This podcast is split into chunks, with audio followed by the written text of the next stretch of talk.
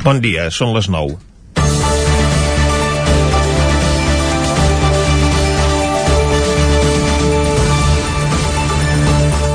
Ahir s'acabava el termini per presentar les llistes per les eleccions al Parlament del 14 de febrer. Unes llistes on l'exalcalde de la Roca del Vallès, Salvador Illa, ha remogut el tauler en passar a encapçalar la candidatura socialista, mentre que l'exalcaldessa de Ripoll, actual consellera Teresa Jordà, encapçalarà la candidatura d'Esquerra Republicana per Girona.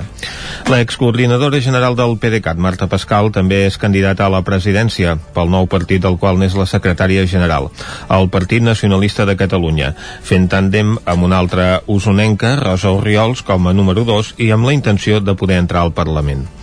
El mateix intentarà el PDeCAT després del seu trencament amb Junts per Catalunya, on alguns situen l'expresident de la Cambra de Comerç Joan Canadell com a substitut de Laura Borràs en el paper que li correspongui fer a la nova legislatura, donant per fet que els tribunals la inhabilitaran per la causa oberta quan presidia la institució de les lletres catalanes.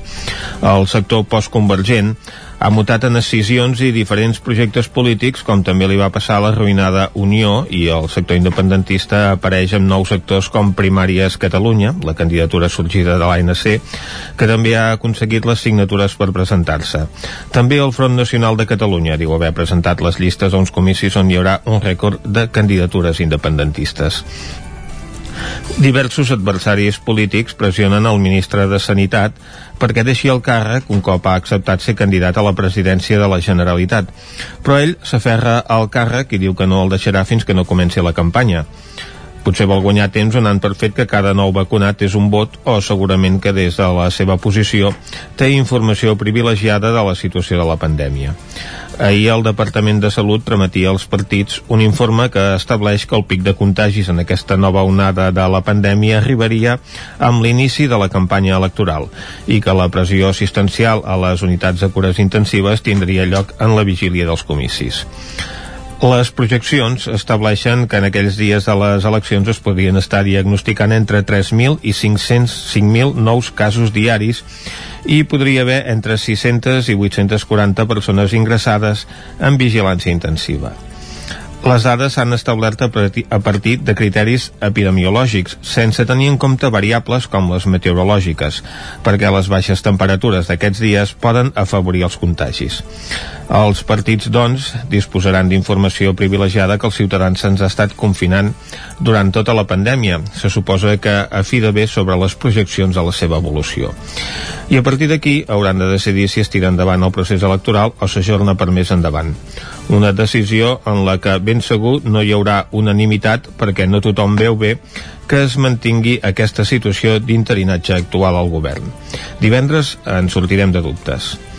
Comencem Territori 17, a la sintonia del 9 FM, Ràdio Cardedeu, La Veu de Sant Joan, Ona Codinenca i el 9 TV. Territori 17, amb Vicenç Vigues i Jordi Sunyer.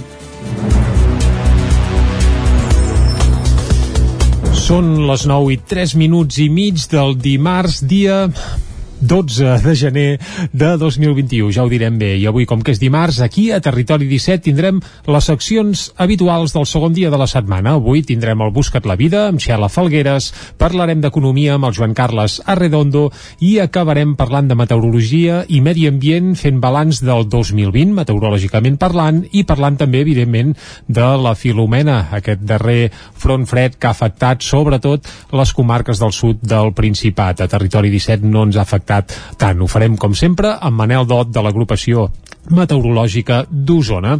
Ara, però, i com sempre, el que farem és arrencar tot fent un repàs a l'actualitat de les nostres comarques, les comarques del Ripollès, Osona, el Moianès i el Vallès Oriental.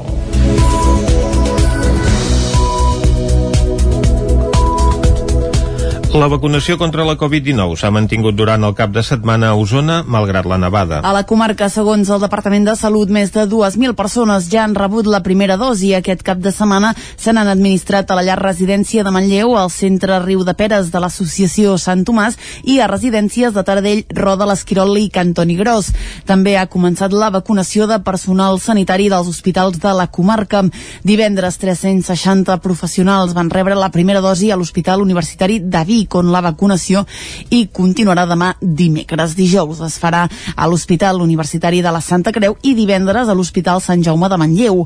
Els primers en vacunar-se divendres van ser sobretot persones que treballen a primera línia. Sentim per aquest ordre a Rosa Vila, auxiliar del Servei de Farmàcia del Consorci Hospitalari de Vic, a Miquel Vilardell, cap de Prevenció i Promoció de la Salut del mateix centre, i a José Luis Lopera, cap de Medicina Intensiva del Consorci i amb ganes de que això s'acabi. Per això ho faig i espero que tothom ho faci, o tothom qui pugui, i hem d'acabar amb això ja d'una vegada, que estem molt cansats, molt amb números és que estem ja a 1.000 professionals del Consorci Hospitalari de Vic. O sigui, hi ha 1.000 professionals que volen vacunar-se, hi ha 1.000 professionals que estan convençuts d'aquesta vacunació. S'ha fet molt ràpid perquè han posat molts mitjans. És la gran diferència amb altres processos. La tecnologia és nova, sí, però està estudiada des del 2003 i probablement és la plataforma de futur de les noves vacunes. La setmana següent se'n programaran més per completar la vacunació a tot el personal dels hospitals que ho ha sol·licitat i passats els 21 dies se'ls posarà la segona dosi. Les escoles i instituts van tornar a obrir les portes aquest dilluns després de tres setmanes d'aturada per les festes nadalenques. Entrada esglaonada en portes diferents, rentat de mans i presa de temperatura, seguint la mateixa rutina implantada des de l'inici del curs. Els 163 alumnes de l'Escola Lloriana de Sant Vicenç de Torelló tornaven a classe aquest dilluns després de les vacances de Nadal. La represa es feia ahir i no divendres passat, tal com s'havia previst inicialment, i amb el debat de si convindria ajornar-la més per l'impacte de la tercera onada de la pandèmia i la que pugui tenir la nova soca del coronavirus detectada al Regne Unit. Entre les famílies, l'opinió majoritària era a favor de la reobertura. Amb la canalla, bé, perquè necessiten estar amb altres, amb altres nens. Si ens quedarem a casa tancats no ho sabem, però de moment jo crec que és bo que tornem a l'escola. Aquest primer trimestre ha anat tot molt bé i no hi ha hagut gairebé cap confinament de cap classe, per tant, mentre es pugui seguir ho hem de poder seguir controladament. Sempre hi poden haver-hi casos, però realment com a pares preferim arriscar-nos i que el nostre fill pugui, pugui gaudir de l'escola, que realment és un món fantàstic pels nens i eh, el nostre fill tenia moltes ganes de tornar. En la tornada a l'escola, la Generalitat sí que farà cribratges massius als docents i al personal a través d'automostres. En el cas de l'escola Lloriana, 14 docents, 6 monitors de menjador i dues persones de la cuina. Aquest dilluns ja van rebre les primeres indicacions, encara sense un calendari definitiu. Pep Artero és el director de l'escola Lloriana. Són mesures que, si es decideixen per tenir més informació al voltant de, doncs, bueno, els assumirem, tampoc, és, tampoc hi veig cap problema amb això, no? Tot aquest temps estem gestionant incerteses, no? I coses que van canviant, i calendaris que es van movent, i amb això estem acostumats. A la Catalunya Central, el cribratge als professionals dels centres educatius suposarà fer unes 13.000 proves. L'alumnat de primària de l'escola Jaume Balmes de Sant Feliu, que no va poder iniciar ahir les classes, començaria demà dimecres. Una avaria a la calefacció ha impossibilitat iniciar el curs amb normalitat. Caral Campàs, des d'Ona Cotinenca. Dilluns al migdia, l'Escola Jaume Balmes ha difós un comunicat explicant que l'avaria encara no s'ha resolt i que paral·lelament s'ha posat en funcionament la caldera antiga amb un dipòsit auxiliar. A hores d'ara, l'escola encara no ha arribat als 10 graus. Si no hi ha cap entrebanc i la caldera segueix funcionant, des del centre han confirmat que dimecres es reprendrien les classes amb normalitat. Per tant, els infants de primària de l'escola hauran restat els dos primers dies lectius del segon trimestre sense poder anar anar a classe. Tot i això, l'activitat educació infantil sí que ha funcionat amb total normalitat perquè les classes d'aquest cicle estan a un edifici diferent al de primària i no ha tingut afectacions pel que fa a la calefacció. Des del claustre de mestres han agraït la col·laboració de totes les famílies i l'esforç de l'Ajuntament per ajudar a resoldre la situació. Es doblen els ingressos de Covid-19 al Vallès Oriental en només una setmana. David Auladell, de Ràdio Televisió, Cardedeu. Els tres hospitals del Vallès Oriental sumen una xifra d'ingressats per Covid del doble que fa una setmana. Segons les últimes dades de salut de l'1 al 7 de gener, constaven 124 ingressats, xifra molt superior al 55 d'entre el 25 i el 31 de desembre. A dia 10 de gener, però, aquesta xifra havia baixat fins al 121. Tot i així, la comarca acumula 3 dies seguits de descens de risc del rebrot. El 5 de gener estava a 548, però el dia 7 va baixar fins als 439,8 punts. De l'1 al 7 de gener també ha baixat la velocitat de reproducció, que queda en 1,31.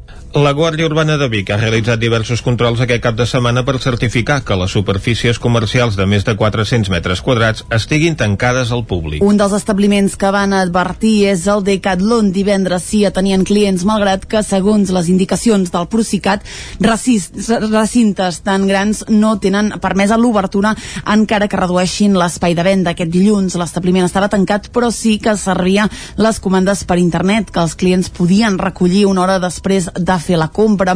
L'afluència era constant i els treballadors advertien als compradors que no es podia entrar. La mesura és similar a la que han adoptat el Fes Més i el Leroy Merlin, que permet la compra telefònica. De la restricció que afecta les grans superfícies tancades com a mínim fins diumenge, en queden exclosos els supermercats, les farmàcies òptiques i la resta de comerços dedicats a productes de primera necessitat, així com els centres de veterinària, les perruqueries, els centres d'estètica, als concessionaris d'automòbils i als espais de jardineria. Charango cancela la gira de comiat però treu un nou disc, El Gran Ball, que recopilarà els millors temes del grup reinterpretats. Isaac Muntades, des de la veu de Sant Joan. La Déu del grup Ripollet Charango ha estat agradols perquè no s'han pogut acomiadar dels seus fans a sobre els escenaris després de 10 anys de trajectòria per culpa de la pandèmia del coronavirus, però alhora han tret el seu quart i últim disc, de Beni Ales. La gira batejada com el Gran Circ tenia previstos una cinquantena de concerts arreu de Catalunya, l'estat espanyol i Europa, però amb més de 100.000 entrades venudes en només una setmana va quedar cancel·lada i ajornada pel 2021. Fa poques setmanes el grup Ripollès va decidir suspendre-la definitivament i acomiadar-se de la gent amb concerts adaptats a les possibilitats de la pandèmia. De fet, el cantant Sant Joan i el Miquel explicaven el documental documental sobre viure al directe, que es va emetre aquest passat diumenge al programa 30 Minuts de TV3, que la situació del conjunt de música era insostenible. Llavors ha estat un any duríssim en el que com a grup deixem de tenir cap tipus d'ingrés ja venim d'un any sense ingressos perquè vam, nosaltres vam acabar els concerts a l'hivern de 2018-2019, no? A la tardor del 2018 més o menys fem La Baraca, que és un últim concert que vam fer al Festival Esperanza, i des de llavors tots són gastos per nosaltres. I realment ha estat un any molt desgastant perquè no ens havia passat mai que en comptes de currar i posar l'energia en construir coses, ens hem dedicat a posar-la en desmuntar-les, no? Per aquests motius, fins al dia 21 de febrer, Charango ha habilitat un enllaç web per recuperar els diners de les entrades comprades. El grup Ripollès també ofereix dues opcions més, com són la possibilitat de bescanviar-la per l'edició inèdita d'un nou treball que estan enregistrant i la de donar suport a la cooperativa transformant l'entrada adquirida en una aportació. El grup encara manté la incògnita de què passarà amb el Clownia 2021, però ara ja treballa amb el Gran Ball, un disc doble ple de col·laboracions inèdites que recopila cançons dels quatre discos que han tret i que compta amb noves versions cantades amb una quarantena d'artistes i amics del món de la música que s'aniran desvetllant en les pròximes setmanes, en què han reinterpretat alguns dels temes més emblemàtics. Les persones que tenien entrades i volen el disc el rebran a finals de març o a principis d'abril. El Gran Ball només es podrà adquirir amb reserva prèvia, ja que es tracta d'una edició limitada i numerada. Per tant, es pot demanar a la pàgina web fins al 21 de febrer. Esports. El derbi femení entre el Barça i l'Espanyol que es va disputar dimecres al Camp Nou va ser el marc escollit per commemorar els 50 anys del primer partit de futbol d'un equip femení blaugrana. L'enfrontament es va disputar contra els Centelles, a l'estadi del Barça. Una fotografia recuperada de l'autocar de l'empresa bigatana Comas Olives va fer que Mariló Coromines, Rosa Fonseca i Margarita Freixer rememoressin de nou el partit de futbol que ara fa 50 anys van disputar al Camp Nou amb la samarreta de la Unió Esportiva Centelles contra la selecció ciutat de Barcelona, l'embrió del Barça femení. L'enfrontament es va disputar el dia de Nadal de l'any 70 i segons les cròniques de l'època va plegar a 60.000 espectadors. 50 anys després, les jugadores del Centelles ho recorden com una experiència inèdita. Mariló, Coromines i Margarita Freixer són exjugadores del Centelles. Bueno, és que esperàvem els dos dies de la setmana que anàvem a entrenar, els esperàvem però amb candeletes, allò perquè de lo bé que ens ho passàvem, eh? Els records són boníssims i les sortides que fèiem, a més a més, no sé, vam conèixer moltes altres noies d'altres equips, ara que no n'hi haguessin gaires, però bueno. Ens varen regalar al club uns xàndals que per anar amb xàndals 50 anys enrere eren, em sembla que eren els primers xàndals que, que havien sortit gruixuts, eren vermells amb cremallera bueno, estàvem allà nosaltres contentíssimes eh? Les jugadores santallenques, que llavors tenien entre 16 i 19 anys, van perdre 4 a 3 a la tanda de penals. Així finalitzava un partit que va constar de dues parts de 30 minuts. En la seva retrobada, les jugadores encara recordaven una sorpresa inesperada que van trobar-se només de sortir al camp. Els havien retallat i molt el terreny de joc, ho explica Rosa Fonseca. Ens vàrem enfadar molt perquè ens fèiem pagues de poder córrer per aquell camp tan maco que havíem vist alguna vegada per la tele i ens el varen escurçar i ens van dir l'excusa, ens vàrem queixar, ens vàrem enfadar nosaltres, perquè semblava que les de poble podíem... Eh, ens vàrem queixar, vaja. I eh, ens varen dir l'excusa de que les del Barça, les noies del Barça, havien entrenat molt fort el dia abans i que tenien agulletes. Per recordar l'efemèri del Dia de Reis, el Camp Nou va acollir un nou partit de futbol femení. En el derbi Barça-Espanyol, les jugadores blaugranes van tornar a fer història, aquesta vegada per saltar a la gespa de l'estadi per primera vegada en partit oficial. És l'equip on milita la jugadora de Borcunyà, Bruna Vilamala, que després de donar positiu de coronavirus es va perdre l'enfrontament.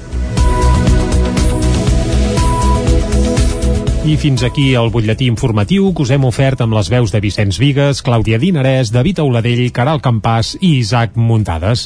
I ara el que toca, aquí a Territori 17, és fer un cop d'ull a la situació meteorològica.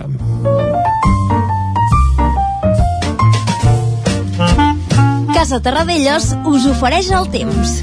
I parlar del temps a Territori 17 és parlar amb el Pep Acosta, qui ja tenim en línia. Molt bon dia, Pep. Hola, molt bon dia. I bona hora. Què tal esteu? Anar fent... Ja som dimarts. Correcte. Una vegada més, en aquest hivern, un matí fred. Uh -huh. Déu-n'hi-do quines glaçades. 4, 5 sota 0 cap a la comarca d'Osona, del Moianès, també cap al Vallès, el Pirineu, inclús un més baixes, 7, 8 sota 0, Mm, novament glaçades gairebé a totes les nostres poblacions i és que això ja és un hivern com, com els abans, eh, que dèiem, això ja... Déu-n'hi-do, Déu-n'hi-do, Déu-n'hi-do, uh -huh. quines glaçades tenim aquests dies. Uh -huh. uh, però avui ja hi ha un canvi de peces, hi ha un canvi de panorama, hi ha inversió tèrmica, fa molts dies que no, de, que no ho dèiem això, i ja les temperatures són més baixes a les fondalades que no pas a l'altitud mitjana o alta i és que tenim l'anticicló, un anticicló molt ferm i potent, el tenim sobre nostra i s'hi voldrà quedar bastants dies i fa que l'aire fred no pugui pujar i es queda dipositat a les zones més enclotades. Ja no hi ha uh, una entrada d'aire fred a les zones més altes, a les muntanyes no entra aire fred i això fa que la temperatura ja sigui més baixa a les valls i a les fondalades que no pas a les zones més altes. Uh, això, aquesta inversió tèrmica s'accentuarà els pròxims dies, serà més important els pròxims dies, i veureu com, els, com a, a les zones més baixes el fred serà més intens que no pas alta muntanya a les nits, eh? sobretot a les nits. Durant el dia, avui, què ens espera? Doncs molt de sol. No hi haurà gaire cap núvol, un sol ben maco, uh, pinzellades d'algun núvol prim, molt poca cosa, uh -huh. unes temperatures una mica més altes que les d'ahir. Un o dos graus més, eh? Uh, molt poca cosa.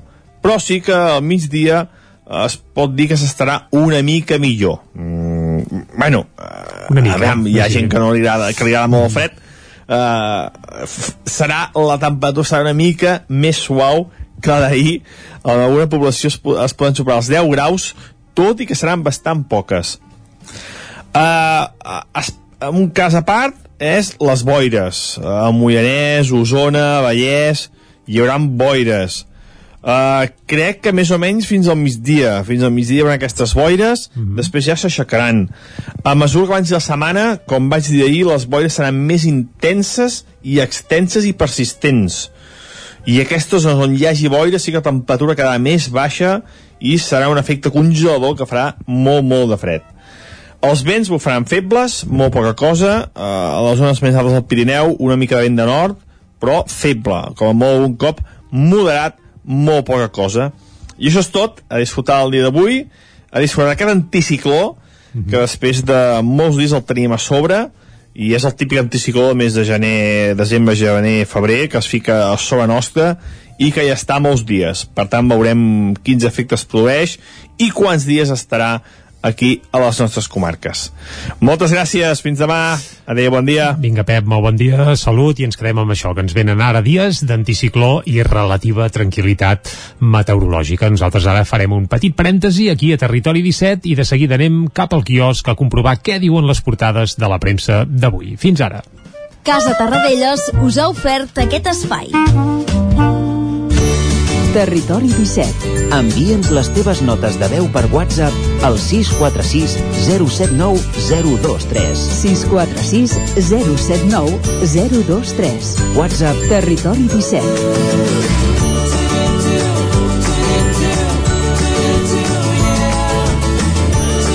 Territori 17. Som a Facebook, Twitter i Instagram amb l'usuari Territori 17.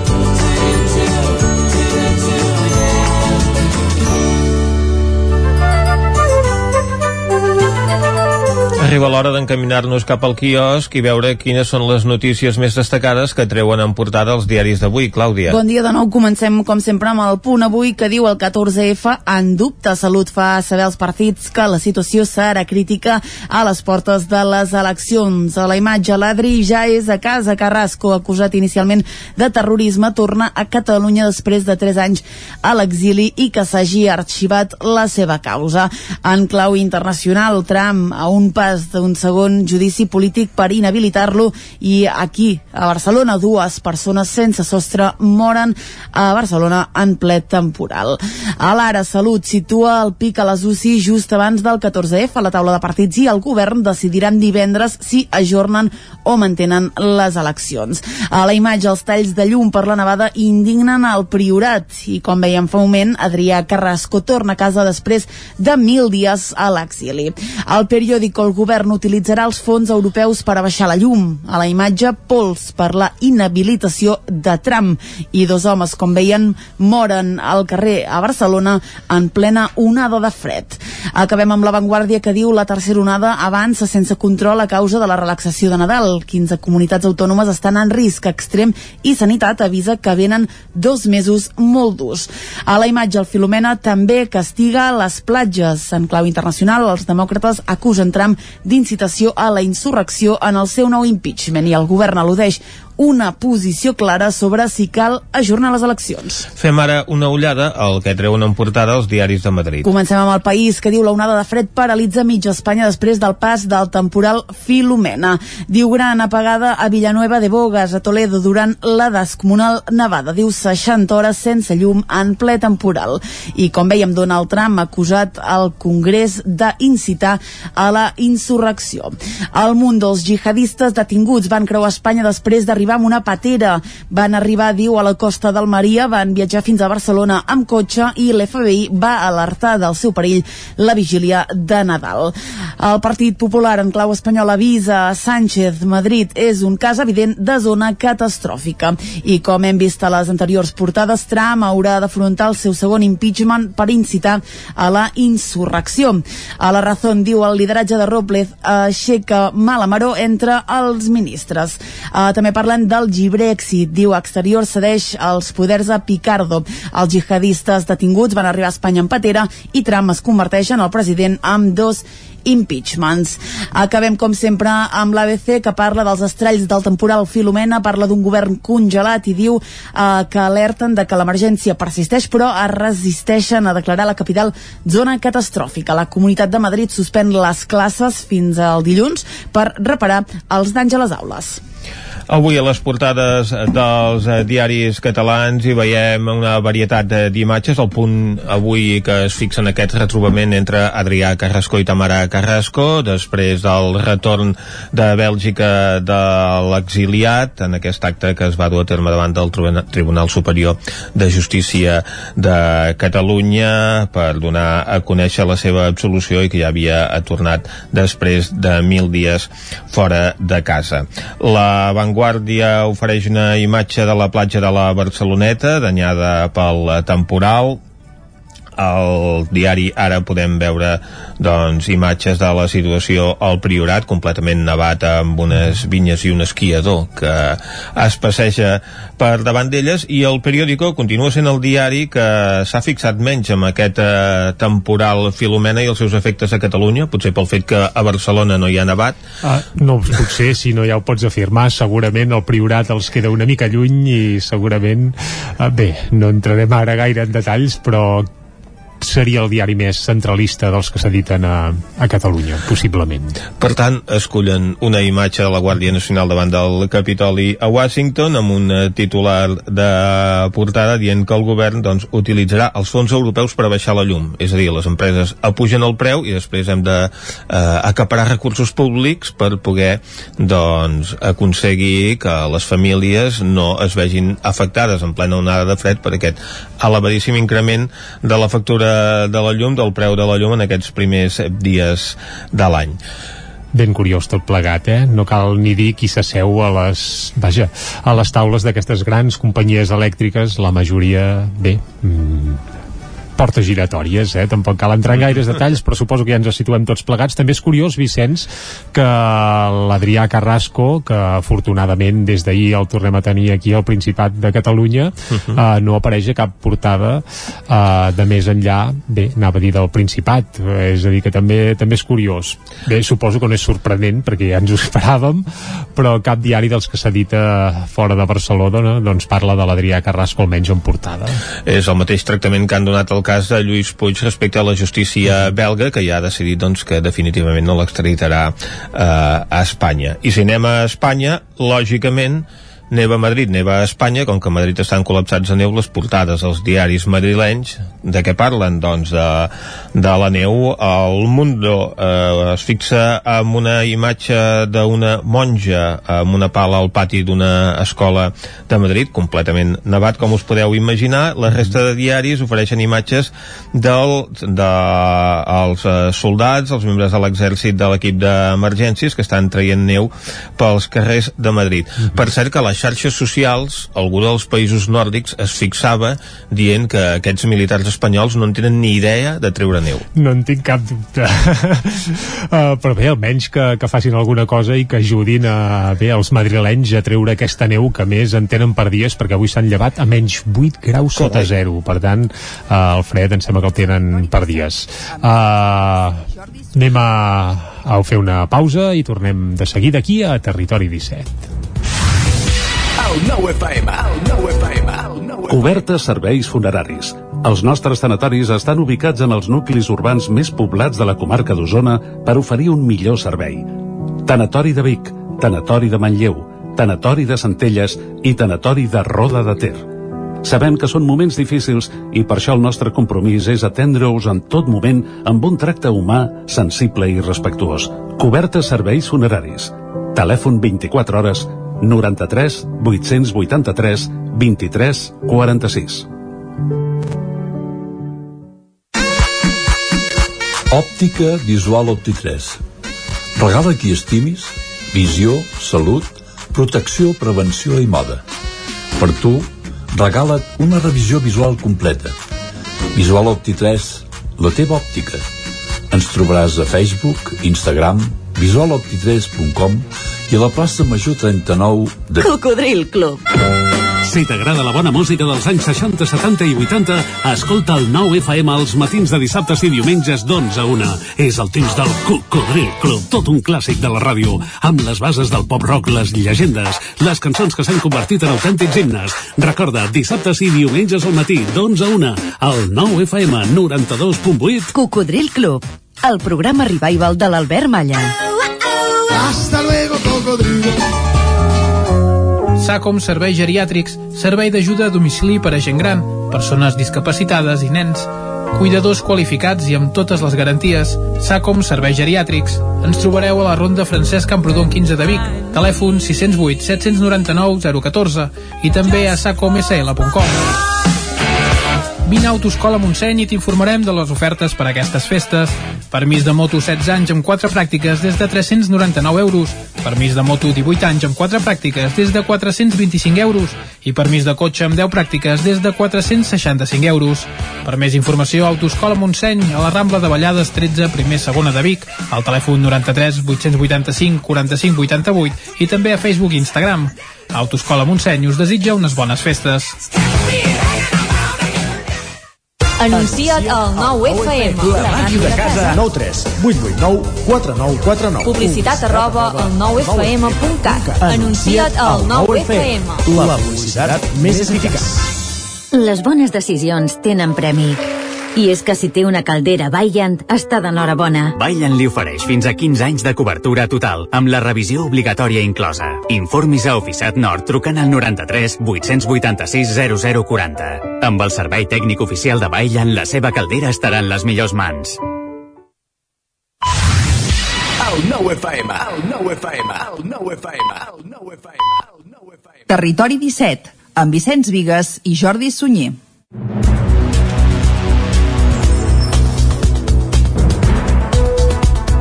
Dos quarts de deu en punt d'avui dimarts, dia 21 de gener de 2021. No, ja és que no sabem ni el dia que passem, eh, Vicenç? El dia 12. Mare de Déu, dia 12 de gener de 2021. Acabem d'arribar, d'arrencar l'any i les ganes que tenim que avanci de pressa per aviam si anem fent fora uh, bé, tots els efectes aquests del coronavirus, eh, que em sembla que encara se'ns acosten un parell de mesos molt complicats i caldrà si seguir-ho... aquestes temperatures, segurament. Ah, Exacte, i caldrà seguir-ho amatentment i evidentment ho farem des d'aquí, des de Territori 17 on aviat ja farà prop d'un any que estem també eh, així bé, a trompicons, seguint l'actualitat. Cada dia, no hem fallat cap dia però sí que ho fem amb algunes limitacions com per exemple l'absència de tertúlia que segurament habitualment a aquesta hora doncs sempre eh, ens acompanyava aquí a Territori 17 no és que no vulguem tenir tertúlia és que per complir les mesures sanitàries corresponents ens seria pràcticament impossible tenir-los eh, bé, tots els companys tertulians aquí encabuts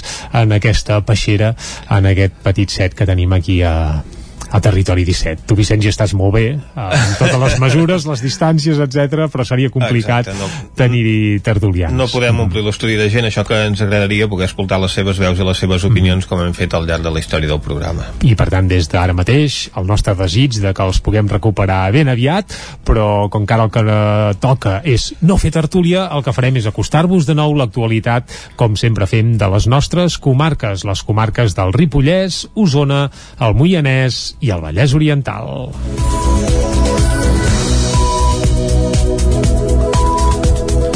La vacunació contra la Covid-19 s'ha mantingut durant el cap de setmana a Osona, malgrat la nevada. A la comarca, segons el Departament de Salut, més de 2.000 persones ja han rebut la primera dosi. Aquest cap de setmana se n'han administrat a la llar residència de Manlleu, al centre Riu de Peres de l'Associació Sant Tomàs i a residències de Taradell, Roda, l'Esquirol i Cantoni Gros.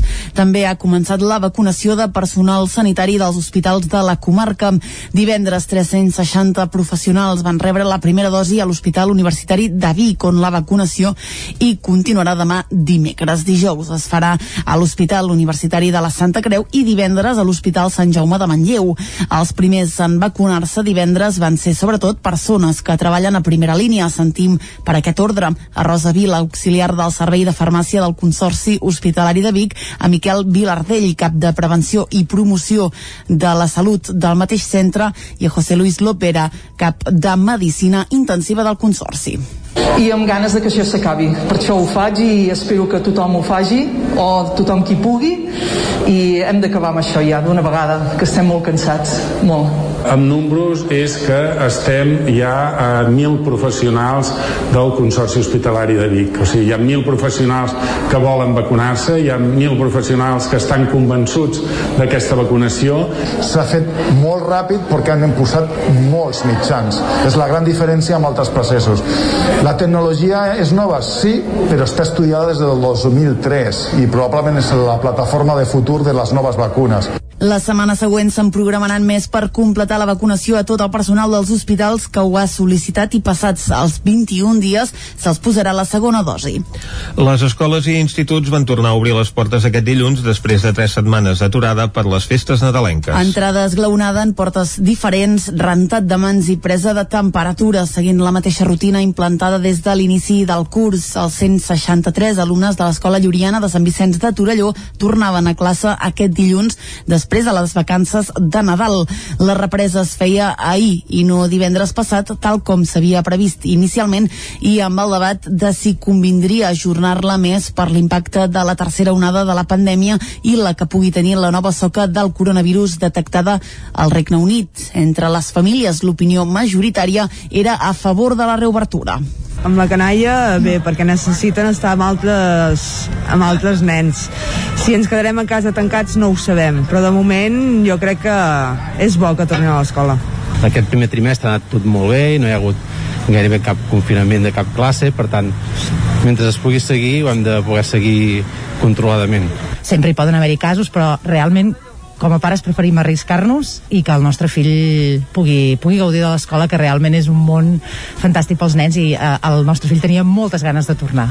En la tornada a l'escola, la Generalitat sí que farà cribratges massius als docents i al personal a través d'automostres. En el cas de l'escola Lloriana, 14 docents, 6 monitors de menjador i dues persones de la cuina. Aquest dilluns ja van rebre les primeres indicacions, encara sense un calendari definitiu. Pep Artero és el director de l'escola Lloriana.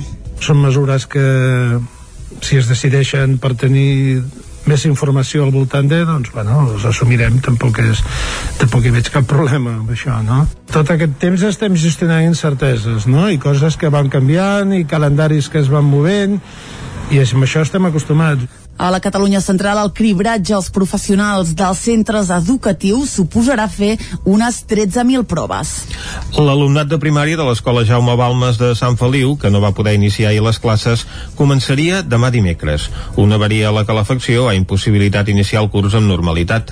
Caral Campàs, des d'Ona Cotinenca. Dilluns al migdia, l'Escola Jaume Balmes ha difós un comunicat explicant que l'avaria encara no s'ha resolt i que paral·lelament s'ha posat en funcionament la caldera antiga amb un dipòsit auxiliar. A hores d'ara, l'escola encara no ha arribat als 10 graus. Si no hi ha cap entrebanc i la caldera segueix funcionant, des del centre han confirmat que dimecres es reprendrien les classes amb normalitat. Per tant, els infants de primària de l'escola hauran restat els dos primers dies lectius del segon trimestre sense poder anar a classe. Tot i això, l'activitat educació infantil sí que ha funcionat amb total normalitat perquè les classes d'aquest cicle estan a un edifici diferent al de primària i no ha tingut afectacions pel que fa a la calefacció.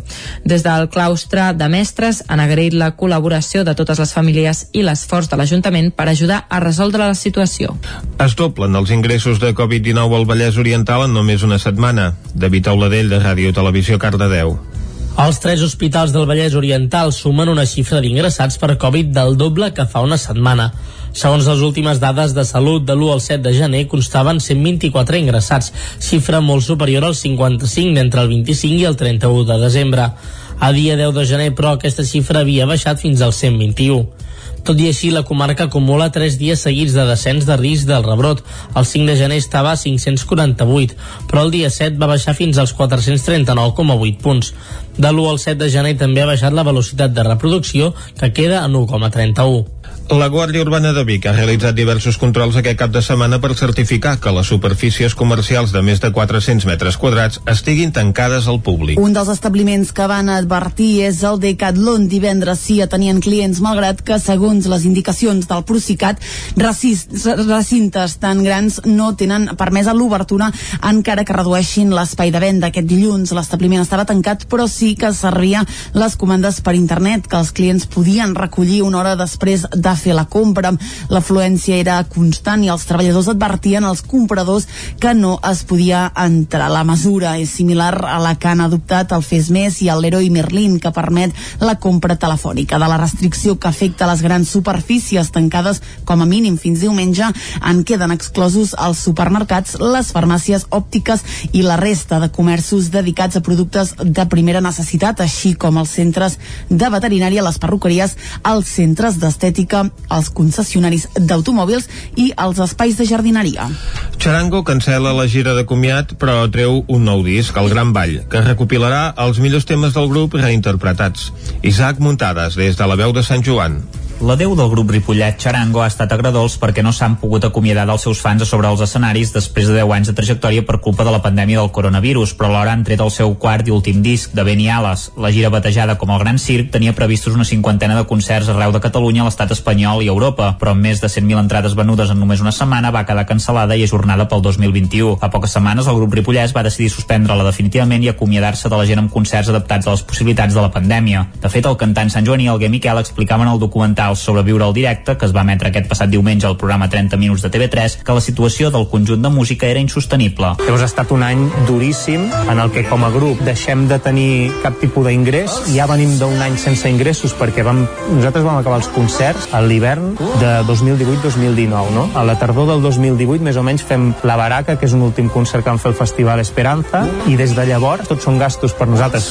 I realment ha estat un any molt desgastant perquè no ens havia passat mai que en comptes de currar i posar l'energia en construir coses, ens hem dedicat a posar-la en desmuntar-les, no? Per aquests motius, fins al dia 21 de febrer, Charango ha habilitat un enllaç web per recuperar els diners de les entrades comprades. El grup Ripollès també ofereix dues opcions més, com són la possibilitat de bescanviar-la per l'edició inèdita d'un nou treball que estan enregistrant i la de donar suport a la cooperativa transformant l'entrada adquirida en una aportació. El grup encara manté la incògnita de què passarà amb el Clowny 2021, però ara ja treballa amb el Gran Ball, un disc doble ple de col·laboracions inèdites que recopila cançons dels quatre discos que han tret i que compta amb noves versions cantades amb una quarantena d'artistes i amics del món de la música que s'aniran desvetllant en les pròximes setmanes, en què han reinterpretat alguns dels temes més emblemàtics. Les persones que tenien entrades i volen el disc el rebran a finals de març o a principis d'abril. El Gran Ball només es podrà adquirir amb reserva prèvia, ja que es tracta d'una edició limitada i numerada. Per tant, es pot demanar a la pàgina web fins al 21 de febrer.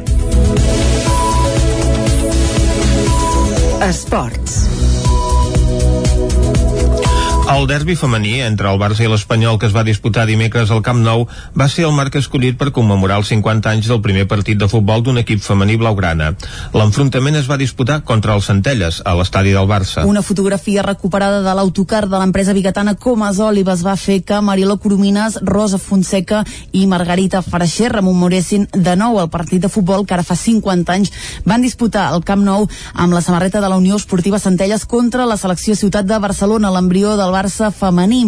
L'enfrontament es va disputar el dia de Nadal de l'any 70 i segons les cròniques de l'època va plegar a 60.000 espectadors. 50 anys després, les jugadores del Centelles ho recorden com una experiència inèdita. Mariló Coromines i Margarita Freixer són exjugadores del Centelles. Bueno, és que esperàvem els dos dies de la setmana que anàvem a entrenar, els esperàvem però amb candeletes, allò perquè de lo bé que ens ho passàvem, eh? Els records són boníssims i les sortides que fèiem, a més a més, no sé, vam conèixer moltes altres noies d'altres equips, encara que no n'hi haguessin gaires, però bueno. Ens varen regalar al club uns xàndals que per anar amb xàndals 50 anys enrere eren, em sembla que eren els primers xàndals que, que havien sortit. Gruixuts, eren vermells, amb cremallera, bueno, estàvem allà nosaltres contentíssimes, eh? Les jugadores santallenques, que llavors tenien entre 16 i 19 anys, van perdre 4 a 3 a la tanda de penals. Així finalitzava un partit que va constar de dues parts de 30 minuts. En la seva retrobada, les jugadores encara recordaven una sorpresa inesperada que van trobar-se només de sortir al camp. Els havien retallat i molt el terreny de joc, ho explica Rosa Fonseca. Ens vàrem enfadar molt perquè ens fèiem pagues de poder córrer per aquell camp tan maco que havíem vist alguna vegada per la tele i ens el varen escurçar i ens van dir l'excusa, ens vàrem queixar, ens vàrem enfadar nosaltres, perquè semblava que les de poble podíem... Eh, ens vàrem queixar, vaja. I eh, ens varen dir l'excusa de que les del Barça, les noies del Barça, havien entrenat molt fort el dia abans i que tenien agulletes. Per recordar l'efemèri del Dia de Reis, el Camp Nou va acollir un nou partit de futbol femení. En el derbi Barça-Espanyol, les jugadores blaugranes van tornar a fer història, aquesta vegada per saltar a la gespa de l'estadi per primera vegada en partit oficial. És l'equip on milita la jugadora de Borcunyà, Bruna Vilamala, que després de donar positiu de coronavirus es va perdre l'enfrontament. I fins aquí el butlletí informatiu que us hem ofert amb les veus de Vicenç Vigues, Clàudia Dinarès, David Auladell, Caral Campàs i Isaac Muntades. I ara el que toca aquí a Territori 17 és fer un cop d'ull a la situació meteorològica.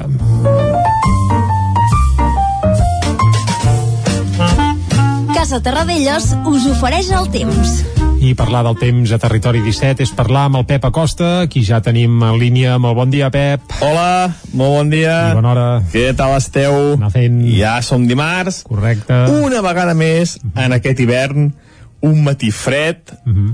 Déu-n'hi-do, quines glaçades.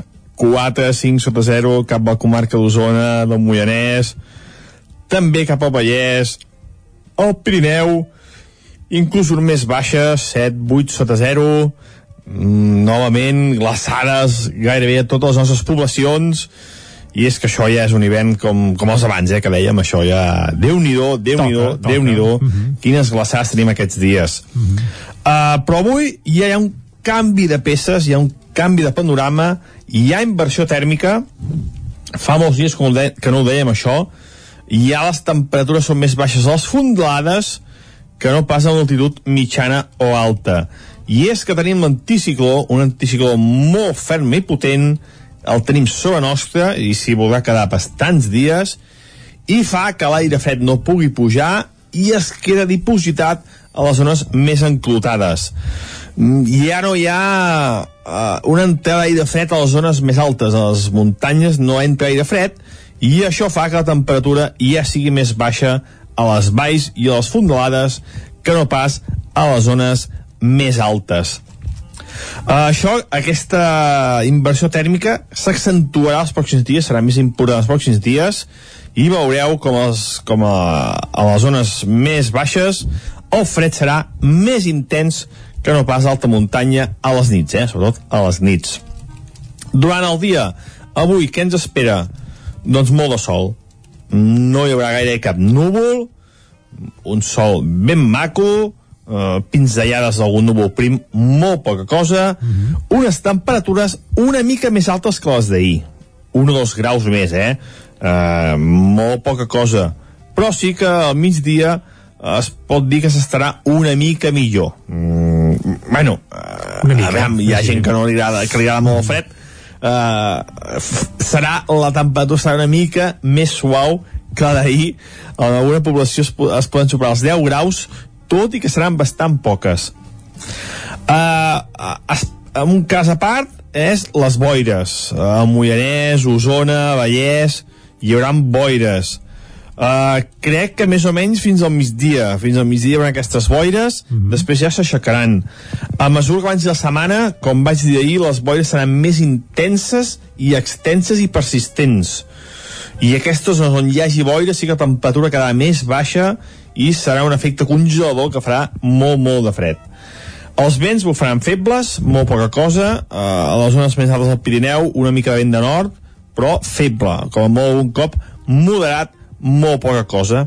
I això és tot, a disfrutar el dia d'avui, a disfrutar d'aquest anticicló, mm -hmm. que després de molts dies el tenim a sobre, i és el típic anticicló de mes de gener, desembre, gener, febrer, que es fica a sobre nostra i que ja està molts dies. Per tant, veurem quins efectes produeix i quants dies estarà aquí a les nostres comarques. Moltes gràcies, fins demà. Adéu, bon dia. Vinga, Pep, molt bon dia, salut, i ens quedem amb això, que ens venen ara dies d'anticicló i relativa tranquil·litat meteorològica. Nosaltres ara farem un petit parèntesi aquí a Territori 17 i de seguida anem cap al quiosc a comprovar què diuen les portades de la premsa d'avui. Fins ara. Casa Tarradellas us ha ofert aquest espai. Territori 17. Envia'ns les teves notes de veu per WhatsApp al 646 079 023. 646 079 023. WhatsApp Territori 17.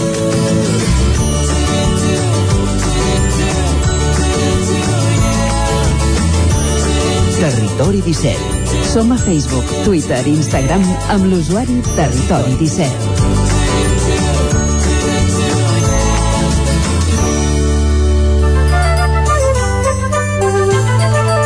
Arriba l'hora d'encaminar-nos cap al quiosc i veure quines són les notícies més destacades que treuen en portada els diaris d'avui. Clàudia. Bon dia de nou. Comencem, com sempre, amb el punt avui que diu el 14F en dubte. Salut fa saber als partits que la situació serà crítica a les portes de les eleccions. A la imatge, l'Adri ja és a casa. Carrasco, acusat inicialment de terrorisme, torna a Catalunya després de 3 anys a l'exili i que s'hagi arxivat la seva causa.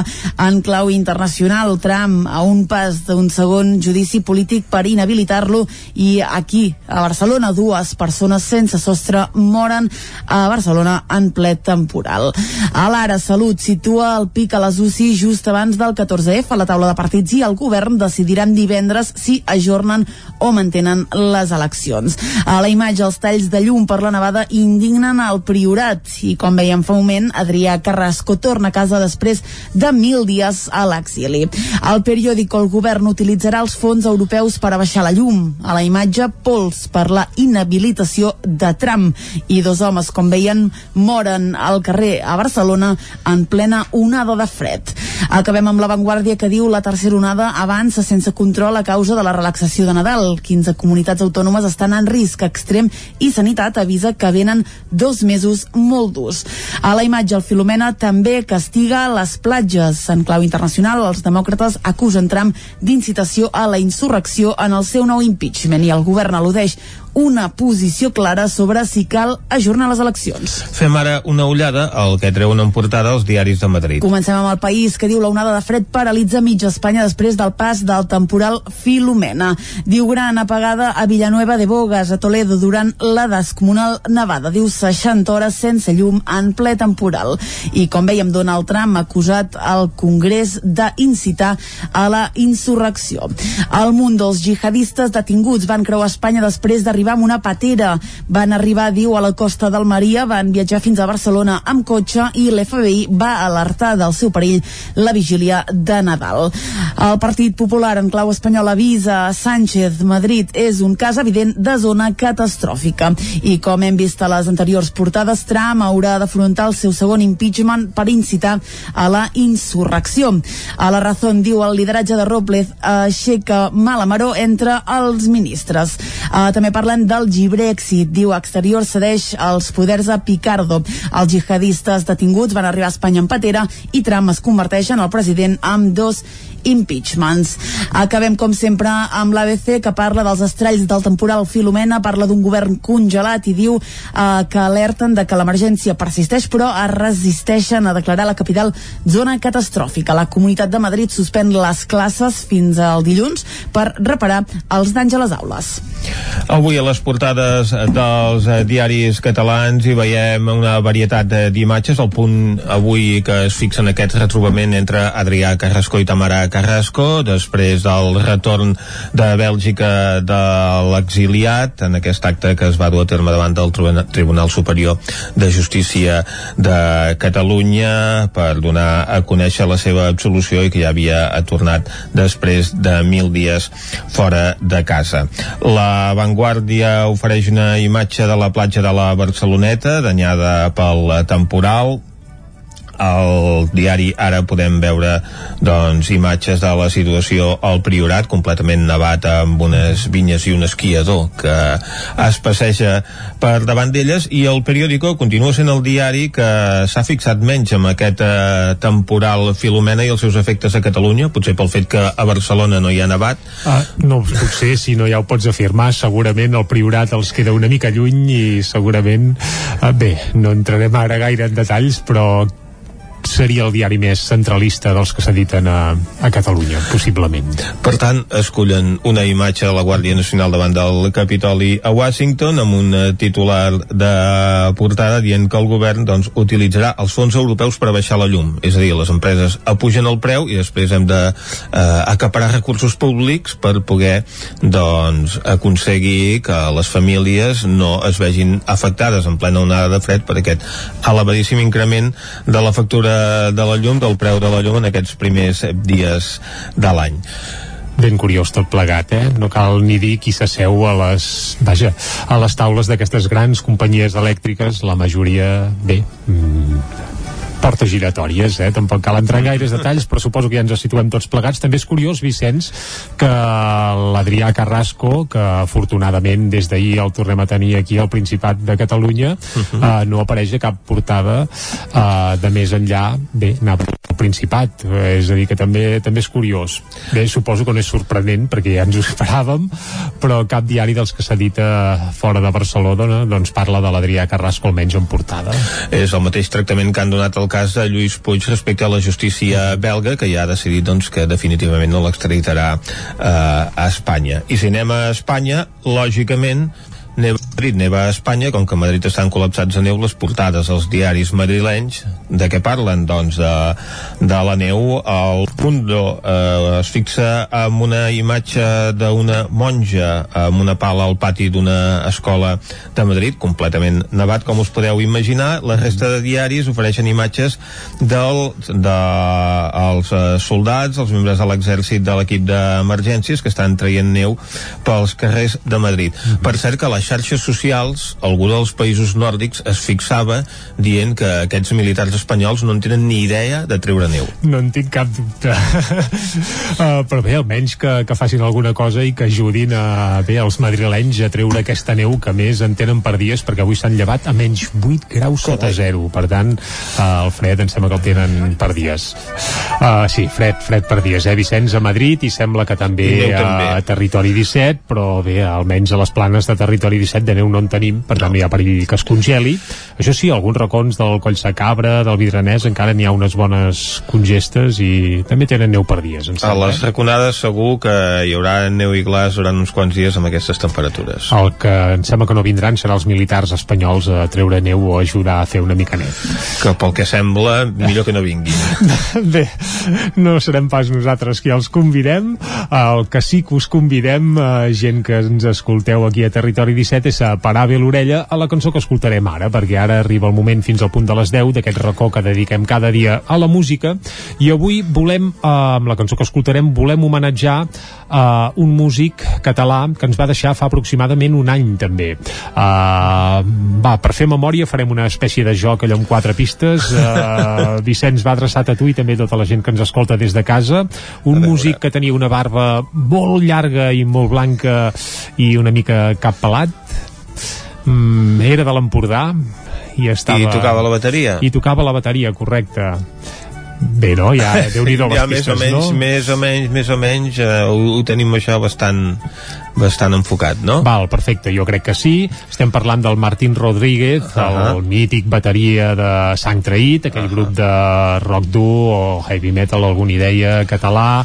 Mm, quan el Sang Traït van plegar veles, doncs el Martín va continuar viu i actiu amb Los Guardians del Pont, una banda amb qui va editar tres discos i també estava actiu amb Barba Blanca, una altra banda també de rock dur, on tocava al costat de, del, de l'ex-guitarra de Sang Traït, el Coromines el Josep Maria Coromines i precisament amb los Guardians del Pont estava al costat d'un altre sang traït en aquest cas el cantant el Quim Mandado i de tota l'escena sang traït avui volem parlar de la Lupe Villar te'n recordes Ah, de la Lupe? Era la, la guitarrista. la guitarrista, correcte doncs la guitarrista del sang traït ha reaparegut. Què dius? Sí, uh, no en sabíem res, a més van acabar una mica barallats amb, bé, bàsicament amb el Quim Mandado, amb, bueno, una mica amb tothom, eh? La Lupe era bé, ras i curt, és qui es va quedar el nom de sang traït, Uh -huh. i el Quim i d'altres que havien fet alguna aparició eh, reinterpretant clàssics de sang traït doncs van tenir problemes per posar el nom de sang traït precisament en un projecte que fins i tot havien fet amb l'Orquestra Simfònica de l'Empordà i bé, i la Lupe Ferruca que no volia baixar del burro Va, però no entrarem en els problemes Entre eh, ells. entre ells i judicials sinó que parlarem d'aquesta reaparició de la Lupe Villar que què ha fet? Doncs ha reaparegut, atenció, reinterpretant en anglès un clàssic de sang traït. Uh, concretament ho ha fet de la cançó Profanexió, una cançó que apareixia al Contes i Llegendes, un dels seus discos segurament més cèlebres i millors també, per què no dir-ho, i ara n'ha fet una versió que es diu Profanation en anglès, uh, i clar, no ho ha fet ella sola, sinó que s'ha envoltat de The Rejects, i darrere d'aquest nom, del Rejects, s'hi amaguen els Dragon Slayer, una formació també gironina de heavy metal, on hi ha el Ferran Cardona, el Jordi Foraster, el Ramon Ramos i el Moisés Banyo, doncs amb ells han enregistrat una nova versió d'aquest clàssic de sang traït, això sí, en anglès. Cal dir que la, Llup, de la Lupe fa 4 o 5 anys ja va treure un disc, també amb aquesta gent, on versionava, en aquest cas el català, clàssics del rock dur de tots els temps, de grups com Van Halen, eh, com eh, Scorpions, Aerosmith, crec que també versionaven, bueno, una mica de tot, Queen també, eh, en aquell cas els adaptaven al català, ara fan una mica al revés, agafen clàssics de sang traït i els adapten en anglès, i com que no sé si això arribarà al públic anglès, de moment ho farem arribar al públic català i escoltarem un fragment fins a arribar al punt de les 10 d'aquest Profanació, en aquest cas en anglès i eh, interpretat per la Lupe Villar i aquests altres músics i tot plegat ho volem fer en homenatge i record al Martín Rodríguez que ara mateix fa aproximadament un any que ens va, que ens va deixar. L'escoltem? Oh, i tant. Doncs vinga, una mica de rock dur fins a arribar al punt de les 10 aquí a Territori 17.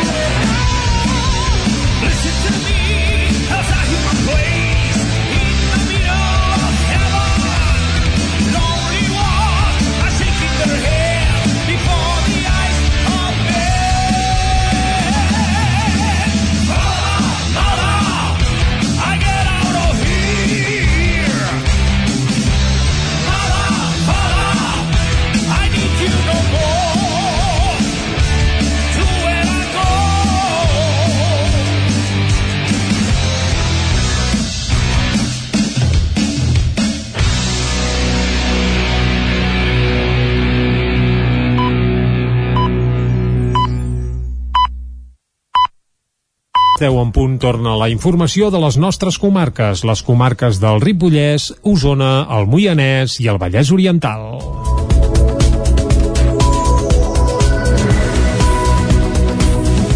A Osona, el temporal Filomena ha afectat sobretot el Coll Sacabra, el Vidranès i les Guilleries. El temporal d'aquest cap de setmana ha deixat una afectació desigual a Osona, mentre que a les zones urbanes la nevada va ser testimonial a primera hora d'aquest dissabte. A les cotes més altes la neu va superar totes les expectatives. És el cas de Siuret i Vidram. Aquest diumenge un tractor reobria amb dificultat la carretera que uneix les dues localitats. I és que, com al Coll Sacabra, el Vidrarès el temporal i va deixar carreteres i camins barrats al pas de vehicles. A Sant Pere de Torelló, dissabte al migdia, l'Ajuntament va haver de tallar el trànsit a la carretera de Bellmunt per l'abundant presència de cotxes. Des de l'Ajuntament feien una crida a l'autoresponsabilitat. Jordi Fabrega és l'alcalde de Sant Pere de Torelló. Uh, també ens trobem que els Mossos d'Esquadra es troben bastant saturats, en feina, i llavors pujaran perquè procedeixin el corresponent a gent d'altres municipis que estan pujant quan s'estan saltant el confinament i per altra banda per intentar evitar danys i sobretot que, perills no? innecessaris, no? la gent que es quedi a casa, la recomanació és que la gent es quedi, a casa, si es vol tocar neu es pot pujar caminant, però no cal pujar dalt al santuari amb cotxe això vol dir que tenim diversos vehicles entrevessats i és una problemàtica i per tant per això estem procedint a tallar l'accés al santuari de Bellmunt. A Tavernoles un dels atractius va ser el salt de la Minyona davant la presència de cotxes al camí que hi arriba l'alcalde Carles Benús denunciava a través de Twitter el perill que podia suposar la neu i el gel del camí. Finalment, al Brull també van haver de denunciar la presència de vehicles que impedien el pas de màquines llevaneu i vehicles essencials als accessos de Collformic. Tot i les incidències, a Osona el temporal Filomena també va deixar imatges de persones gaudint de la neu. Les càmeres del 9-9 i el 9-TV accedien aquest dissabte al santuari de Puig l'Agulla a 800 metres d'altitud on el temporal Filomena va deixar-hi un gruix de 13 centímetres de neu. Ho feien amb el 4x4 de l'Octavian i la Ionela que dos dies abans havien tancat la compra del restaurant que ha d'obrir portes aquest mes de març. Dissabte els nous propietaris van decidir pujar fins al nou local per començar a treballar en la reforma del local a l'arribar. La sorpresa va ser majúscula. Uh, no, vull venir a veure què tal el lloc i com està. Perquè... Treballar una mica, i treballar una mica. una mica o, bueno, també perquè la nevada aquí dalt també hi ha coses que salten alarmes o a veure com està tot, pel, pel camí i tot. I tant, ara anirem a buscar les taules d'esnou i pujarem cap a dalt a esquiar. I tant, i tant. Fa anys l'Octavian de Tona havia treballat al restaurant de Puig l'Agulla. Dissabte es felicitava per haver escollit un indret al mig de la natura on a banda de treballar també hi viuran. I anant pujant aquí els caps de setmana a treballar, doncs eh, ara amb l'oferta que he tingut, que els traspàs al local, eh, pues he fet un pas endavant i me l'he quedat. Està enmig de la naturalesa i tot és tan maco i esperem que vingui molta gent i que, que pugi gent, que pugi gent a dinar, a sopar i a tot el que vulgueu, perquè envoltats de naturalesa és, és, és desconnexió total. També hi va haver qui va aventurar-se a fer cim amb bicicleta. És el cas del Lluís Prat de Saba, que va aprofitar la nevada per posar en pràctica una altra de les seves aficions, la fotografia. La candidatura per Barcelona de primàries tindrà quatre representants al Vallès Oriental, el 14F. David Auladell, de Ràdio Televisió, Cardedeu. El partit ha recollit 776 avals del Vallès Oriental per poder-se presentar a les eleccions autonòmiques, segons informació de la formació catalana. Segons Mònica Rivell, regidora de la formació a Granollers, destaca que el convenciment ferm i la tenacitat de persones com Carles Canet, que també serà la llista de primàries per Barcelona, i de molts voluntaris de la comarca han fet possible aquesta candidatura. La candidatura, doncs, tindrà quatre representants del Vallès Oriental. Carles Canet, que situa com a número 6, Arnau Borrat, de número 12, Jordi Bobo, el número 32, i Jaume Casanovas, el 45.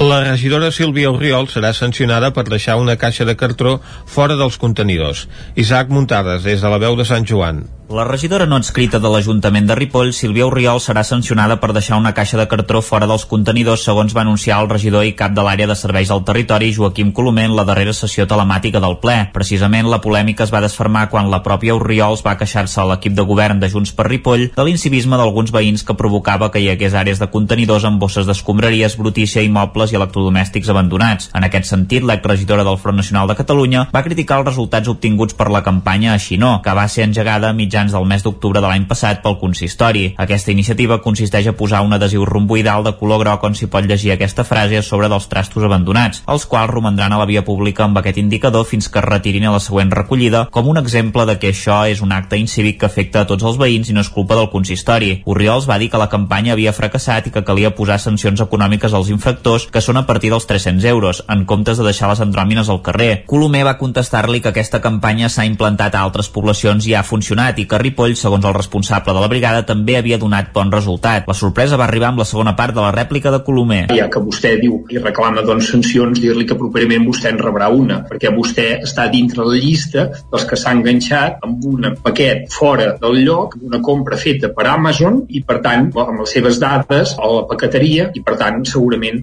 ben aviat rebrà aquest requeriment. I amb aquesta mateixa línia, doncs, amb, amb la resta de totes les, les persones que ja s'han aixecat expedients Oriols es va defensar de les acusacions dient que eren falses. Evidentment no he deixat cap paquet a fora del contenidor, ni jo ni ningú de casa meva, recorrerem el que sigui que han fet. Eh, trobo que ha estat molt oportú també, no?, que curiosament hagin trobat un paquet meu a fora, suposo que ha convingut algú. Eh, evidentment no li hem deixat nosaltres i recorrerem el que faci falta. Evidentment això del paquet s'ho ha tret de la màniga, volem veure fotografies, evidentment nosaltres no l'hem deixat a fora, si és una capsa de cartró pot ser que algú l'hagi tret del contenidor, nosaltres tenim molt clar que no hem comès aquestes infraccions, en estem prou, vigilem suficientment i per tant doncs recorrerem el que faci falta. La regidora no adscrita va insistir en que la campanya havia estat un fracàs i va exemplificar-ho dient que amb prou feines es passava per la vorera de la font viva de la quantitat d'escombraries que hi havia. Colomer va apel·lar al civisme de la gent perquè el personal de la brigada no hagi de recollir aquestes andròmines perquè no és agradable. Es prorroga el Mercat Solidari en suport a la Xènia fins al 17 de gener. L'exposició està situada en un bar de Caldes i a causa de les restriccions a la pandèmia, els organitzadors han decidit allargar la mostra per tal que pugui arribar a més gent. Caral Campàs, des d'Ona Codinenca. El grup de suport de la Xènia, una jove represaliada de Caldes de Montbui que va estar tancada 12 dies a la presó de Batràs arran de les mobilitzacions en el marc de les protestes de la sentència dels presos, ha organitzat un mercat solidari des de mitjans de desembre que ara s'allarga una setmana més. Ho explica Anna Riera, mare de la detinguda.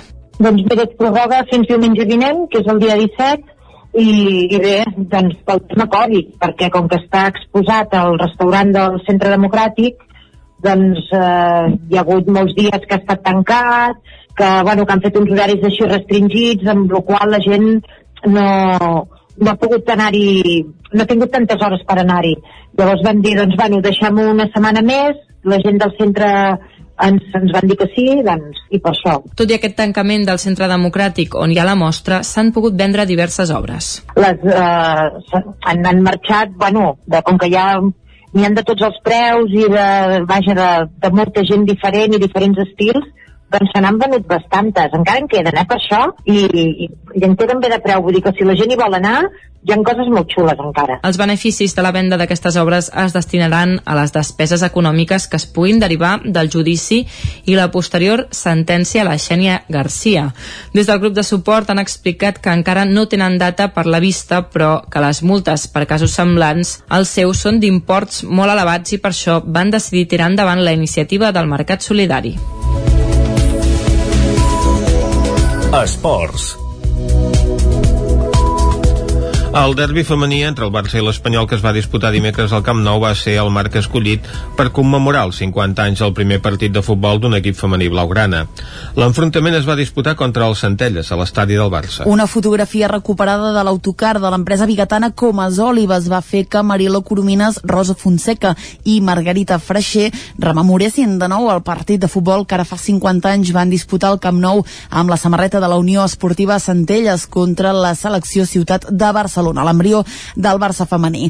L'enfrontament es va disputar el dia de Nadal de l'any 70 i segons les cròniques de l'època va plegar a 60.000 espectadors. 50 anys després, les jugadores del Centelles ho recorden com una experiència inèdita. Mariló Coromines i Margarita Freixer són exjugadores del Centelles. Bueno, és que esperàvem els dos dies de la setmana que anàvem a entrenar, els esperàvem però amb candeletes, allò perquè de lo bé que ens ho passàvem, eh? Els records són boníssims i les sortides que fèiem, a més a més, no sé, vam conèixer moltes altres noies d'altres equips, ara que no n'hi haguessin gaires, però bueno. Ens varen regalar al club uns xàndals que per anar amb xàndals 50 anys enrere eren, em sembla que eren els primers xàndals que, que havien sortit gruixuts, eren vermells amb cremallera, bueno, estàvem allà nosaltres contentíssimes, eh? Les jugadores santallenques que llavors tenien entre 16 i 19 anys van perdre 4-3 a la tanda de penals, així finalitzava un partit que va constar de dues parts de 30 minuts. En la seva retrobada, les jugadores encara recordaven una sorpresa inesperada que van trobar-se només de sortir al camp. Els havien retallat i molt al terreny de joc, ho explica Rosa Fonseca, que en aquell moment era la portera de l'equip santallenc. Ens vàrem enfadar molt perquè ens fèiem pagues de poder córrer per aquell camp tan maco que havíem vist alguna vegada per la tele i ens el varen escurçar i ens van dir l'excusa, ens vàrem queixar, ens vàrem enfadar nosaltres, perquè semblava que les de poble podíem... Eh, ens vàrem queixar, vaja. I eh, ens varen dir l'excusa de que les del Barça, les noies del Barça, havien entrenat molt fort el dia abans i que tenien agulletes. Per recordar l'efemèride, el dia de Reis, el Camp Nou va acollir un nou partit de futbol femení en el derbi Barça-Espanyol. Les jugadores blaugranes van tornar a fer història, aquesta vegada per saltar la gespa de l'estadi per primera vegada en partit oficial. És l'equip on milita la jugadora de Borgunyà, Bruna Vilamala, que després de donar positiu de coronavirus es va perdre l'enfrontament. I fins aquí el butlletí informatiu de les 10 del matí que us hem ofert, com sempre, amb les veus de Vicenç Vigues, Clàudia Dinarès, David Auladell, Caral Campàs i Isaac Muntades. Ara el que toca en aquest punt és acostar-vos de nou la informació meteorològica.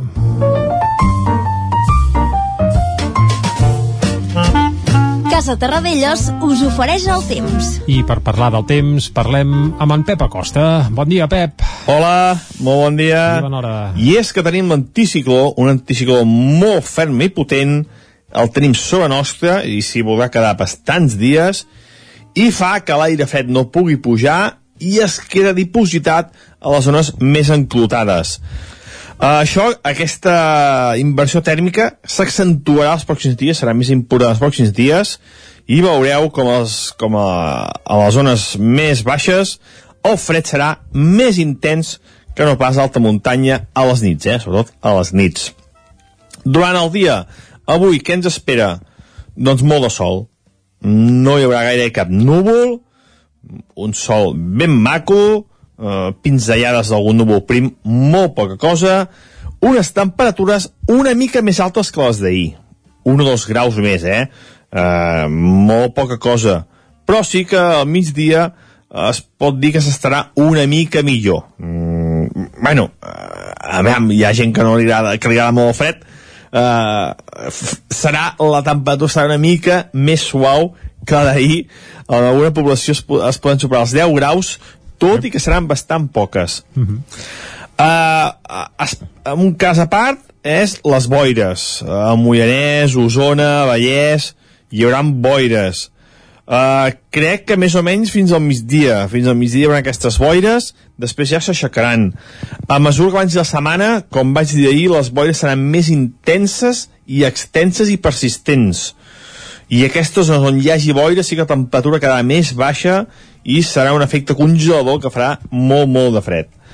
Els vents bufaran febles, molt poca cosa eh, a les zones més altes del Pirineu una mica de vent de nord però feble, com a molt un cop moderat molt poca cosa i això és tot, a disfrutar el dia d'avui uh -huh. moltes gràcies, fins demà adéu, bon dia Gràcies, Pep. Bon dia. Disfrutarem, evidentment, del dia d'avui i més si arribem als 10 graus, cosa que dubto, eh? Potser al Vallès hi arriba a algun indret, algun racó, però a Osona, el Ripollès, Moianès, és complicadot, eh? Tot i que també, déu nhi el fred que ha fet avui al Vallès. Aquí, qui volia anar a parar, sí, Vicenç? Tens algunes temperatures que ens indiquen que les gelades no han set només patrimoni de muntanya ni de fondalades, eh? No, és que gairebé podríem dir que al revés, perquè, per exemple, en punts com uh, la Castanya, en terme del Brull, al Montseny, mm -hmm. no han ni glaçat avui. Carai, han tingut curiós. un grau positiu de temperatura mínima. Mm -hmm. I a alta muntanya, doncs, tampoc les temperatures són tan baixes com altres dies, ni molt menys. Al contrari, és a, a Osona i també en alguns punts del Vallès on hi ha hagut les temperatures més baixes del dia d'avui. Mm -hmm. Si et sembla, comencem el repàs. El lloc on ha fet més fred és a Rupit, que el termòmetre ha caigut a 9 graus negatius. Que aviat és dit. Exacte. Collsospina, 8 graus negatius, els mateixos mm que Madrid, Exacte, com ho hem dit comentàvem fa una abans, sí, estona. sí. 6 graus negatius a Sant Pau de Segúries, a Muntanyola, al Puigagordi, a Balanyà o a Puigdesolles, Mm -hmm. i a punts com Viladrau, Alpens, Tabertet, Santa Maria de Besora o Planoles, el termòmetre ha baixat als 5 graus negatius. Uf, uh, m'ha entrat fred només de- d'escoltar-ho. Va, mirem si ho escalfem una mica tot plegat anant, per exemple, cap al Ripollès, uh, on evidentment fa molt de fred, eh? però sempre podem estar al costat d'una estufa. Uh, una pausa i anem cap al Ripollès. Casa Tarradellas us ha ofert aquest espai. Territori 17. Envia'ns les teves notes de veu per WhatsApp al 646 079 023. 646 079 023. WhatsApp Territori 17.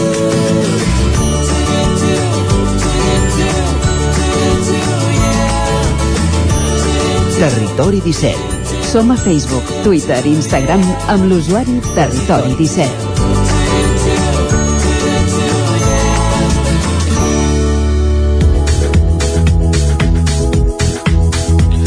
Encara no fa ni una setmana que es va aixecar el confinament perimetral del Ripollès i la Cerdanya que el govern de la Generalitat va aprovar el passat 22 de desembre i que es va allargar fins al 6 de gener. Des de l'endemà de Reis, el confinament comarcal ha passat a ser municipal. I si la decisió presa abans de festes pel govern ja va generar polèmica, aquestes noves mesures també. Els representants polítics i dels principals sectors de la comarca del Ripollès han aixecat la veu perquè es tingui en compte la seva opinió. És així, oi, Isaac Muntades, des de la veu de Sant Joan? És així, Vicenç, molt bon dia. Doncs eh, avui per parlar-ne teníem nosaltres el president del Consell Comarcal del Ripollès, en Joaquim Colomer, perquè ens faci una mica de valoració de què ha suposat aquest tancament perimetral de la comarca de, del Ripollès i què esperen que passi durant les eh, properes setmanes. Bon dia i moltes gràcies per atendre'n, Joaquim. Hola Isaac, molt bon dia. Bon dia. Primer de tot, president, quin balanç fa del tancament perimetral del Ripollès durant les festes de Nadal? No sé si han pogut calcular pèrdues que han patit les empreses i els negocis que han hagut de, de tancar i quins són els sectors doncs, que, que han quedat més ofegats eh, per aquest tancament. Doncs bé, els números que ens han presentat fins al moment estem al voltant dels 40 milions d'euros, per dir una xifra rodona. Per tant, estem veient que és un import molt, molt elevat en comparació als 2,3 milions d'euros que es fan dir ajudes, però jo no en dic ajudes, sinó en dic compensacions que arriben de Generalitat cap al Ripollès. Vostès no han estat d'acord en cap moment amb el tancament municipal de cada dia i juntament amb altres comarques de muntanya han demanat que el confinament sigui comarcal.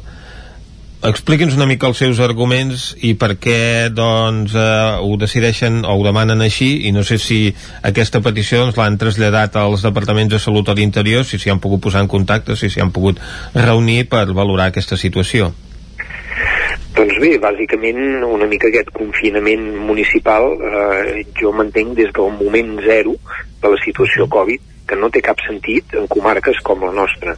Una comarca de 25.000 habitants i que en aquests moments doncs, tenim una densitat de 26 habitants quilòmetre quadrat. Uh -huh. Per tant, eh, jo crec que més que la dada que don el Departament de Salut s'hauria d'agafar les dades d'habitants quilòmetre quadrat, perquè si fem una comparació, per exemple, al barcelonès, estem parlant de 15.635 habitants quilòmetre quadrat.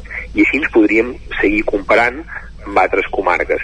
Per tant, la densitat d'aquesta nostra comarca ens fa posicionar d'alguna manera eh, amb, amb un model que no és factible eh, ni és possible aquests confinaments municipals. Estem parlant, doncs, de que, per exemple, aquí al Ripollès eh, els més del 50% dels municipis estem parlant que són micropobles, micropobles referenciats en pobles de menys de 500 habitants i per tant aquests doncs, no disposen de molts serveis i per tant han de baixar a pobles més grans que hi han a la, a la comarca. Per tant, amb aquest criteri no creiem que tingui cap sentit parlar d'un confinament municipal. Uh -huh. Perquè la gent, de fet, eh, doncs, lògicament s'ha de desplaçar forçosament eh, en aquests municipis del voltant per aconseguir els béns més bàsics. Sí, és així.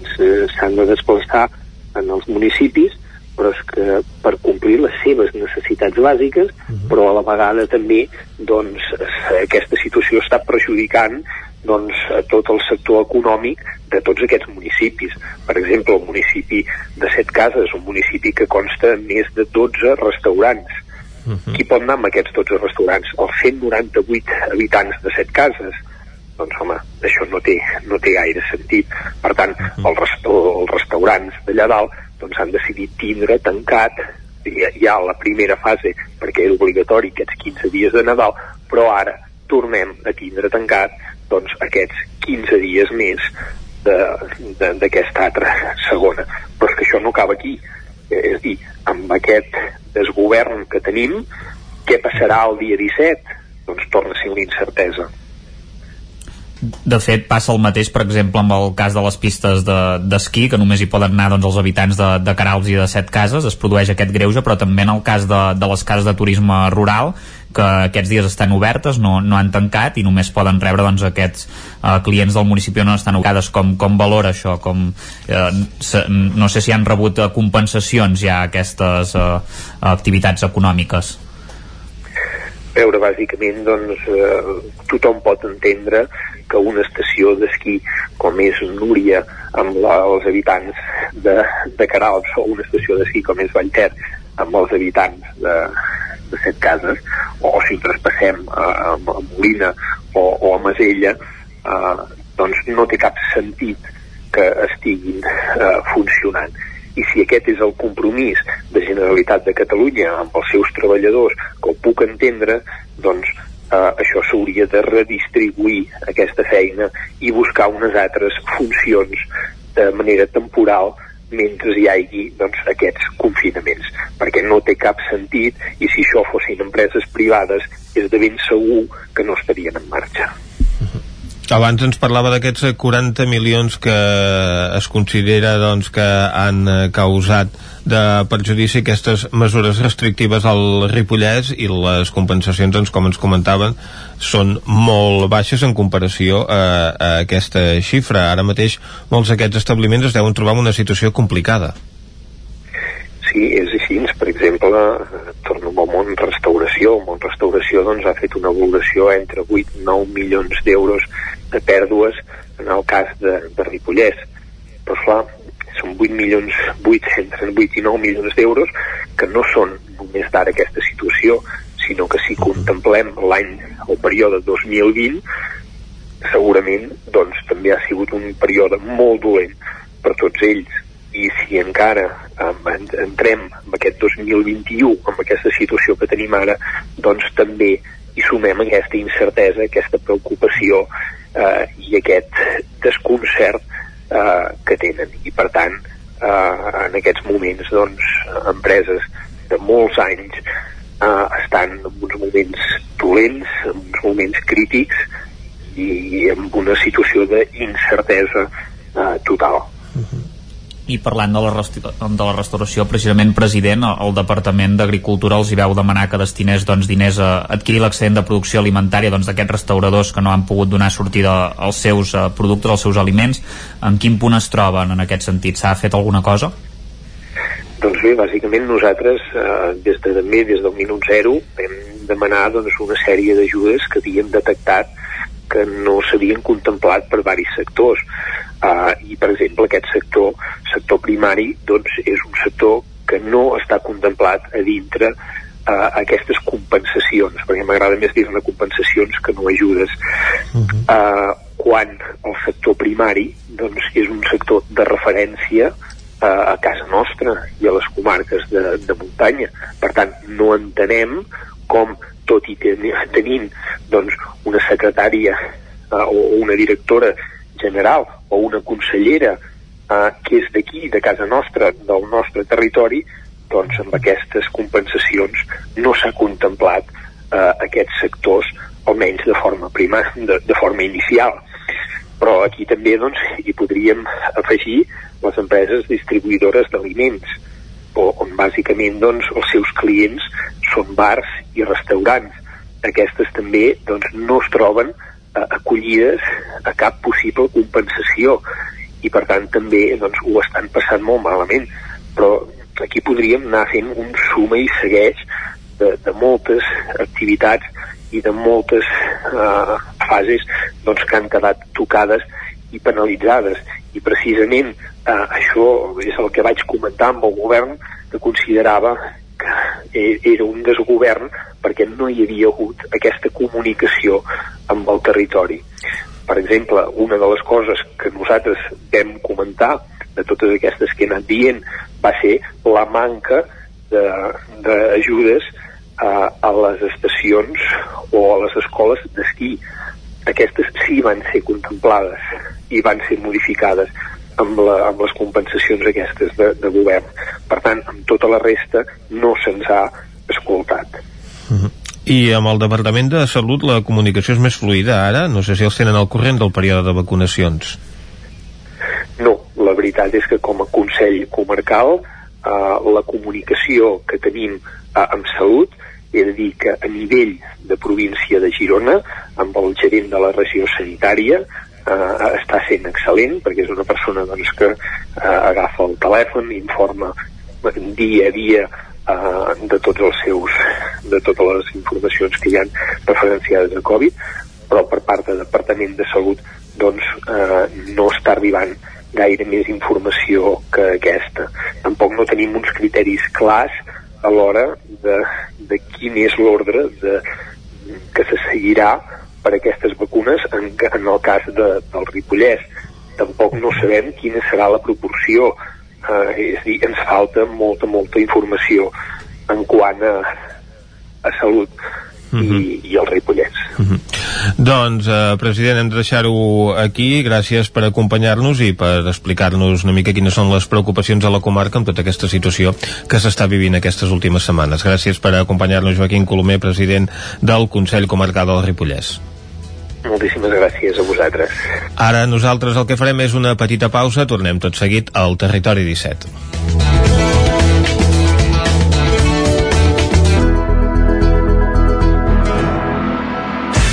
El nou FM, la ràdio de casa, al 92.8. Només pensar en passar aquesta nit sense calefacció amb aquest fred? No es preocupi, hem analitzat a fons la caldera i de seguida quedarà reparada i en funcionament. Quan tingui un problema amb la seva caldera, vagi directament a la solució. Truqui sempre al servei tècnic oficial de Saunier Duval i despreocupis, perquè som fabricants i coneixem les nostres calderes peça a peça. Informis a Oficiat Nord trucant al 938860040. Saunier Duval, sempre al seu costat. Cocodril Club.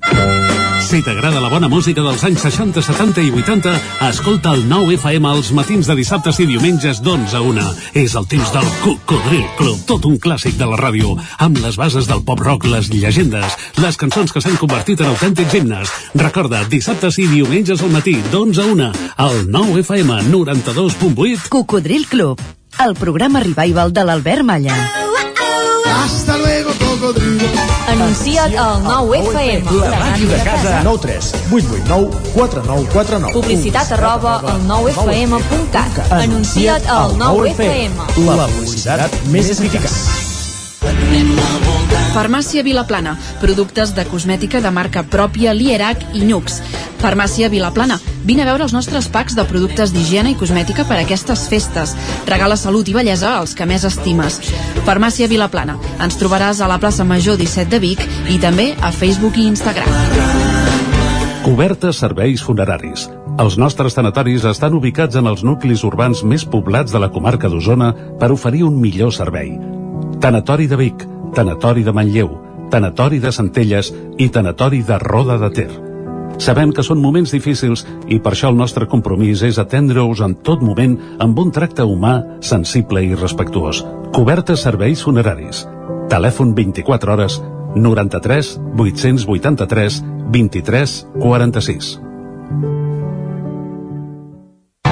Són temps de reptes. És per això que des de la Fogonera en tenim 3. Sardí arrossos d'estrella per emportar i a un preu de justícia. I ara tasta els nostres menús per empreses, per Nadal i per Cap d'Any, fàcil, segur i boníssims. La cuina en directe des de GURB, on encarregues, ho vens a buscar i ara també t'ho portem a casa. La Fogonera, la rosseria de paelles per emportar a GURB. Telèfon 93 851 55 75. lafogonera.cat i quan cau la nit, Pupurri Culinari. Solucions per divendres i dissabte nit. Pizza, burgers i molt més. Entra a pupurriculinari.cat i tria. El 9 FM, la ràdio de casa, al 92.8.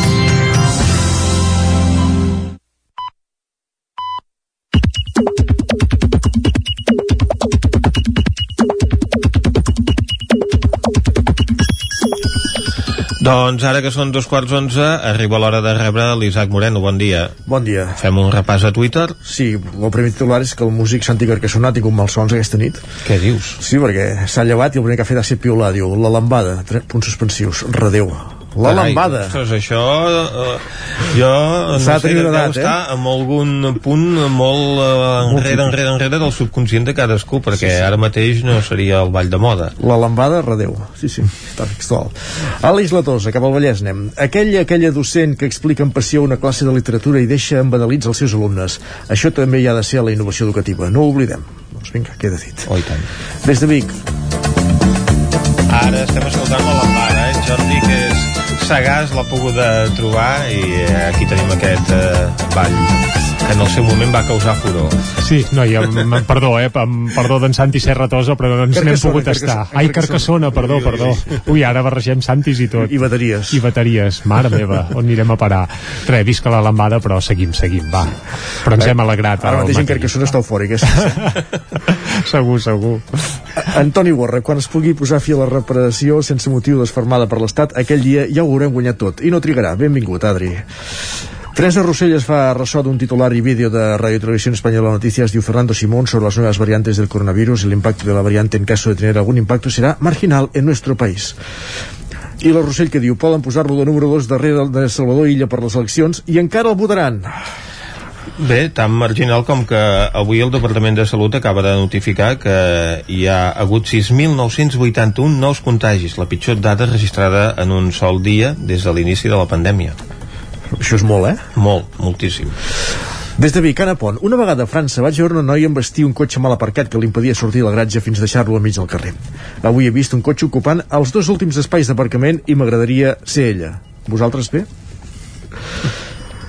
Dionís Guiteres, des del Moianès, l'alcalde de Moià, orgullós de tenir un mestre polític com l'amic Joan Tardà, com amb tots els amics alguns cops discutim, però sempre, sempre ens posem d'acord. Ganes de llegir-te, tiet, i comparteix la imatge del nou llibre de Joan Tardà. Aquí tothom treu llibres. Sí. Jordi Vilarrodà, periodista, diu Vigileu segons què dieu a Twitter, els inquisidors del segle XXI ja s'han inventat un nou pecat. Es diu romantitzar. En podeu ser acusats per qualsevol motiu, fins i tot si pengeu una foto del gat sobre el radiador o del jardí nevat davant de casa. Alguna cosa li deu passar a Vilarrodà al Twitter, eh? Haurem d'anar en compte. Carles Benús, Diumenge Violava, alcalde de Tavernos. Tarda de sofà i lectura, sense poder parar fins a arribar al final. Sensacionat relat de Jordi Amat amb el fill del xofer, tot un personatge malaltís i obsessionat amb la relació amb el poder. Uh, també hem detectat alguns tuits en les darreres hores, dies, de l'estat dels contenidors de deixalles de Torelló. Per les fotos que veiem, esgarrifa. Eh, bueno, bàsicament fa pena. Basarda, bàsicament. Hi ha tot de... Allà on hi ha un contenidor, doncs no es veu el contenidor perquè està, està Tot directament... Està envoltat de brossa. No n'hi ha cap amb el nom de Sílvia Oriols, no? Eh, no. I entre els que piulen, doncs hi ha, per exemple, en Joan Rifà, també la Montse Iats, agafem el fil d'en Joan Rifà, que Hola, Guillem. piulava, diu, Eh que baixaràs a dalt la redacció parlar? Tens el micro obert, Jordi, eh? Sí. Uh, en Joan Rifà, que, que ja ho piolava diumenge, així estem en els contenidors del pàrquing de l'arxiu, no és un cas aïllat, tot el poble està igual, l'Ajuntament de Torelló, el juliol del 19, ja vaig denunciar l'estat dels contenidors del poble i des d'Esquerra em van contestar que en poc temps aplicarien un ple en què estaven treballant. Dos, inacció per part de l'Ajuntament. Fa molt de temps que molts veïns ho estan denunciant. És evident que des de determinats grups de l'Ajuntament aposten pel porta a porta. No sé si és la solució ni el millor, però tinc clar que l'incivisme no acabarà. Tampoc sé si aquesta inacció i, sobretot, l'estat dels contenidors del poble que s'ha accentuat a aquestes festes de Nadal és una estratègia per aplicar el famós porta a porta. El que sí sé és que fa pena passejar pel poble i que per certes voreres plenes de deixalles i objectes varis. No ens queda dit. Home, el, el porta a porta segur que no és la solució, però ajuda Eh, a millorar-ho, si més no. En fi, el, el, Bueno, el, segur que no és la mètode solució, no ho sabem si és el la mètode solució. perfecte no existeix, però... Correcte. Però bé, la qüestió és que hi veiem que anem de fer comentaris doncs, eh, tot sovint d'aquest incivisme pel que fa a la recollida de deixalles que s'escampa per tot arreu. Anem ara a veure què treuen en portada les edicions del 99.cat. Salut es proposa vacunar tots els interns i professionals de les residències vallesanes en 15 dies. Ciutadans reclama a la Junta Electoral la retirada de la simbologia partidista de l'Ajuntament de les Franqueses. Primeres afectacions al trànsit de les obres per ampliar la C-17 i el Vallès Oriental doble en una setmana el nombre de nous ingressos als hospitals per Covid-19.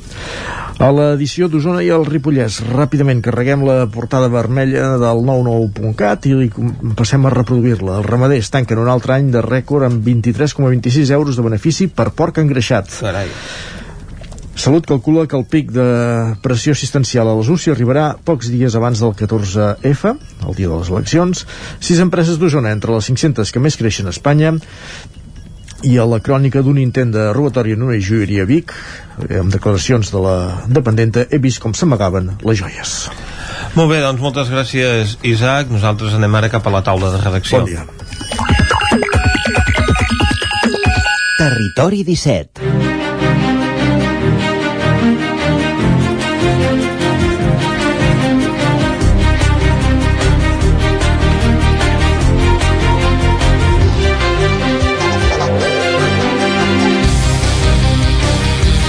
Avui qui ens acompanyarà en aquesta taula de redacció és en Víctor Palomar i en Guillem Rico. En Guillem Rico ja ho sabíem Ja perquè eh? se'ns ha colat per antena que l'avisàvem, eh? Queda, queda claríssim, i tant que sí.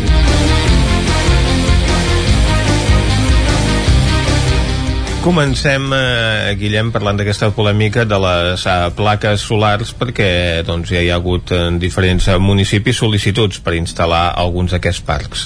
Sí, exacte. Eh, Començàvem a parlar-ne per aquest macroprojecte que es planteja de 432 hectàrees eh, entre Manlleu, Torelló i l'Esquirol. En parlàvem fa aproximadament un mes, hem anat fent seguiment i eh, ens hem centrat eh, en aquest cas amb aquest eh, visor el visor ambiental de les energies renovables és una aplicació que, es, que permet accedir a una base cartogràfica dels projectes de parcs solars i també eòlics que hi ha, que hi ha a Catalunya i en recull la, les dades de les dimensions, l'estat de tramitació, etc.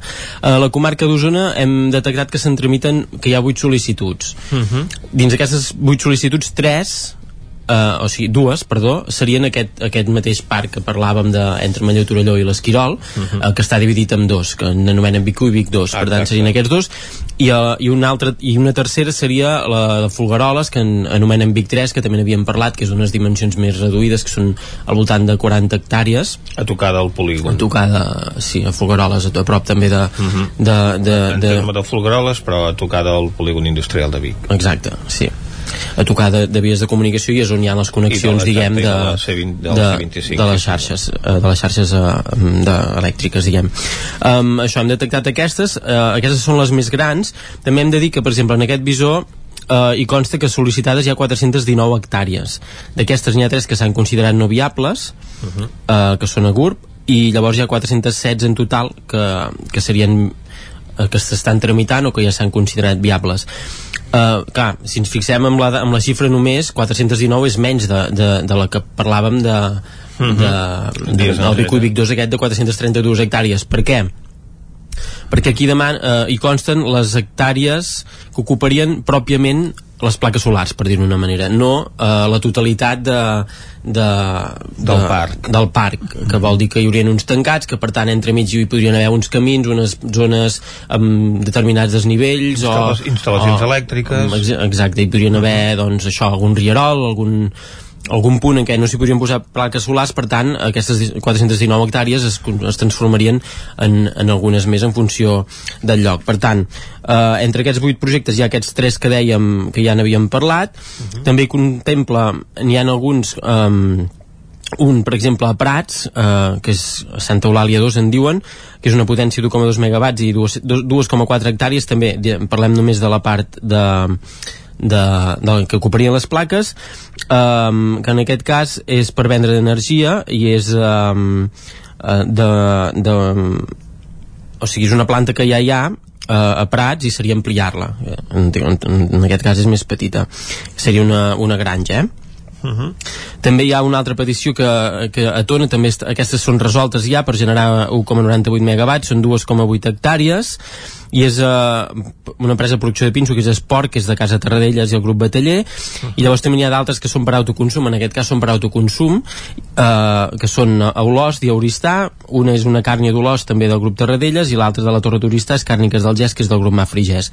Són de dues, una hectàrea i mitja dues aproximadament, aquestes són uh, més petites. Uh -huh. uh, que hem de tenir en compte que amb, amb això, que també se centra amb, amb les sol·licituds per crear parcs solars en zones no urbanitzables. Per tant, aquí no hi entraria, per exemple, eh, instal·lar plaques solars en taulades d'empreses, en, edificis particulars, en, en edificis particulars eh, en, en un solar que hi pugui haver eh, en un lloc urbanitzable, per dir-ho així, en uh -huh. un polígon o en un, al mig, al mig d'un poble potser no n'hi posaria, no, potser sí, però en aquest cas aquí mhm. no hi consten, serien per fer-les amb, amb zones no urbanitzables, perquè aquí també és el Departament de Territori qui té l'última paraula a l'hora d'atorgar-les o no. Si ens fixem en el nombre de comarques, amb totes les comarques que hi ha i el nombre de plaques que, que se sol·liciten, també en, en zones no urbanitzables, veiem que Osona estan a, en la sisena posició eh, per darrere del Serià, la Noia, les Garrigues, el Pallars Jussà i la Ribera d'Ebre i el Moianès eh, es troba a la posició número 17 eh, no ho hem dit però sí que ja eh, s'ha resolt com a emplaçament viable una, una un, diguem una un parc, en aquest cas seria Calders de 26,5 hectàrees. Uh -huh i també no ho havíem dit però aquesta no viable que dèiem de GURB és, és entre GURB i Sant Bartomeu de, del Grau.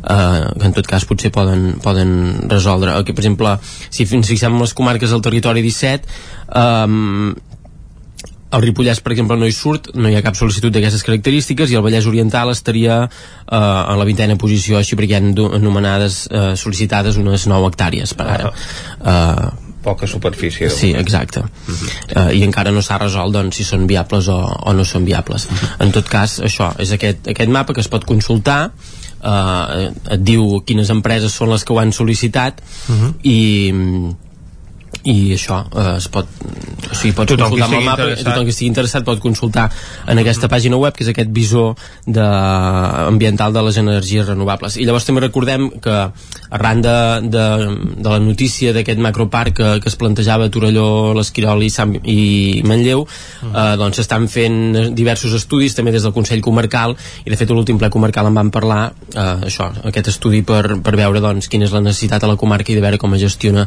això que els municipis doncs, no acaben de veure massa clar. Molt bé, doncs moltes gràcies, eh, Guillem. Ara canviem de temàtica. Anem a parlar amb en Víctor Palomar, que va seguir el ple de l'Ajuntament de Vic d'ahir. Víctor.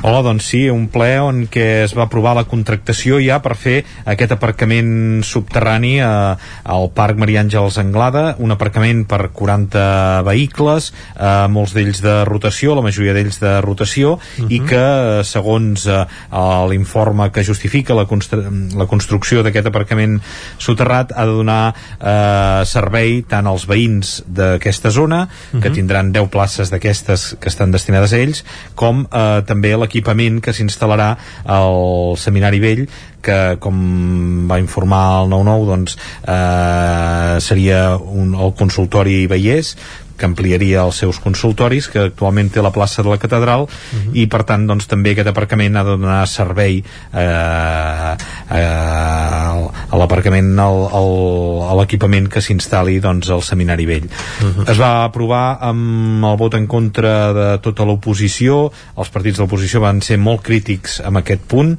consideren que no hi ha necessitat, que va en contra del POUM que, que demana doncs, reduir el trànsit de vehicles al centre de la ciutat. Per tant doncs, que, que no hi ha necessitat de construir aquest aparcament al centre de Vic eh, en un moment com l'actual en què s'està treballant per eliminar els vehicles del centre de la ciutat. Eh, com dèiem hi van votar tots en contra. Eh, el punt, gràcies a la majoria que té l'equip de govern doncs eh, va poder tirar endavant. L'empresa... No és habitual, no?, que tota l'oposició de Vic voti en contra d'algunes de les propostes de l'equip de govern. No, eh, no, és, no és el més habitual, no és eh, res excepcional, però sempre hi ha l'opció d'alguna abstenció, uh -huh. eh, però el vot aquest en contra mm, no, és, no és el més habitual. L'empresa que el contracti doncs, també eh, serà l'empresa que en farà la gestió eh, durant els anys que, que hi ha la concessió i, uh -huh. i el paquet va eh, puja doncs això, a uns 4 milions i mig d'euros que és el cost perquè n'hi ha tot a càrrec de l'empresa constructora i després eh, recuperarà aquesta inversió doncs, fent la, la gestió.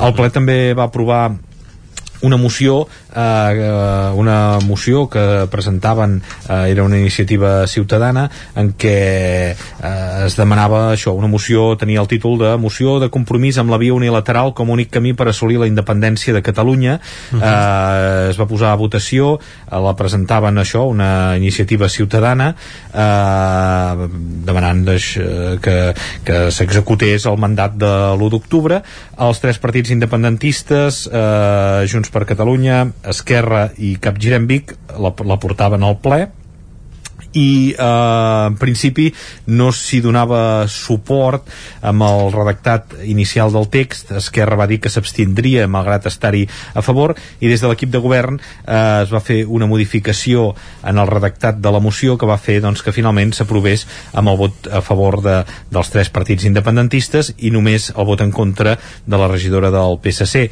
el redactat de la moció eh, original deia manifestar el compromís explícit de l'Ajuntament de Vic amb la via unilateral com a únic camí possible per assolir la independència de Catalunya uh -huh. i des de Junts per Catalunya es va canviar aquest redactat el de manifestar el compromís explícit de l'Ajuntament de Vic amb la via unilateral no com a únic camí possible, sinó com a camí preferent, però no excloent, per assolir la independència de Catalunya. Això va fer que eh, el vot inicialment d'abstenció d'Esquerra Republicana i també segurament de Junts per Catalunya, no ho sabem què hagués passat si no s'hagués acceptat aquest, aquest canvi, eh, però aquesta, aquest petit canvi de no tancar altres vies que no sigui la declaració unilateral d'independència doncs va fer doncs, que tots els partits hi votessin a favor.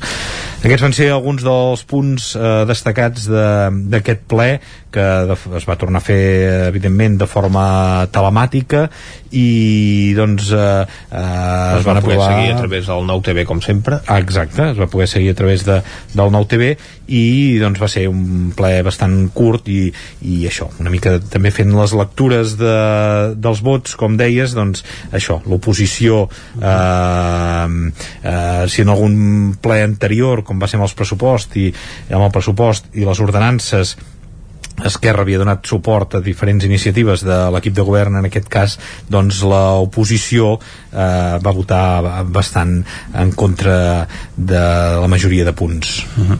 Molt bé, Víctor, doncs moltes gràcies per aquest repàs a la sessió d'ahir del ple de Vic. Nosaltres tanquem aquí la taula de redacció. Territori 17 Busca't la vida amb Cela Falgueres. Doncs tanquem la taula de redacció i anem al Buscat la Vida amb la Txela Falgueres, a qui saludarem per primera vegada en tot el 2021. Txela, molt bon dia. Hola, molt bon dia a tots. I molt bon any. Molt bon un any. dia ben fresquet des de Cardedeu. Mm -hmm. Mm -hmm doncs sí, encetem aquest any eh, amb moltes ganes, òbviament, esperant que a tot l'equip i a totes les persones que ens escolten aquest any ens porti menys sorpreses desagradables i, i molta felicitat i sobretot salut i força per seguir en el camí que tenim per aguantar fins a arribar a que sortim d'aquesta situació. Ja no dic tornar a la realitat antiga perquè veurem com serà, però bé, en fi, eh, engeguem aquest nou Busca la Vida i avui us he de confessar que no sóc una gens forofa del futbol, però vaig tenir una entrevista amb una grandíssima persona, l'Albert Capelles, que és entrenador professional amb més de 30 anys d'experiència. De fet, ara és responsable de la selecció sub-21 de futbol de Dinamarca.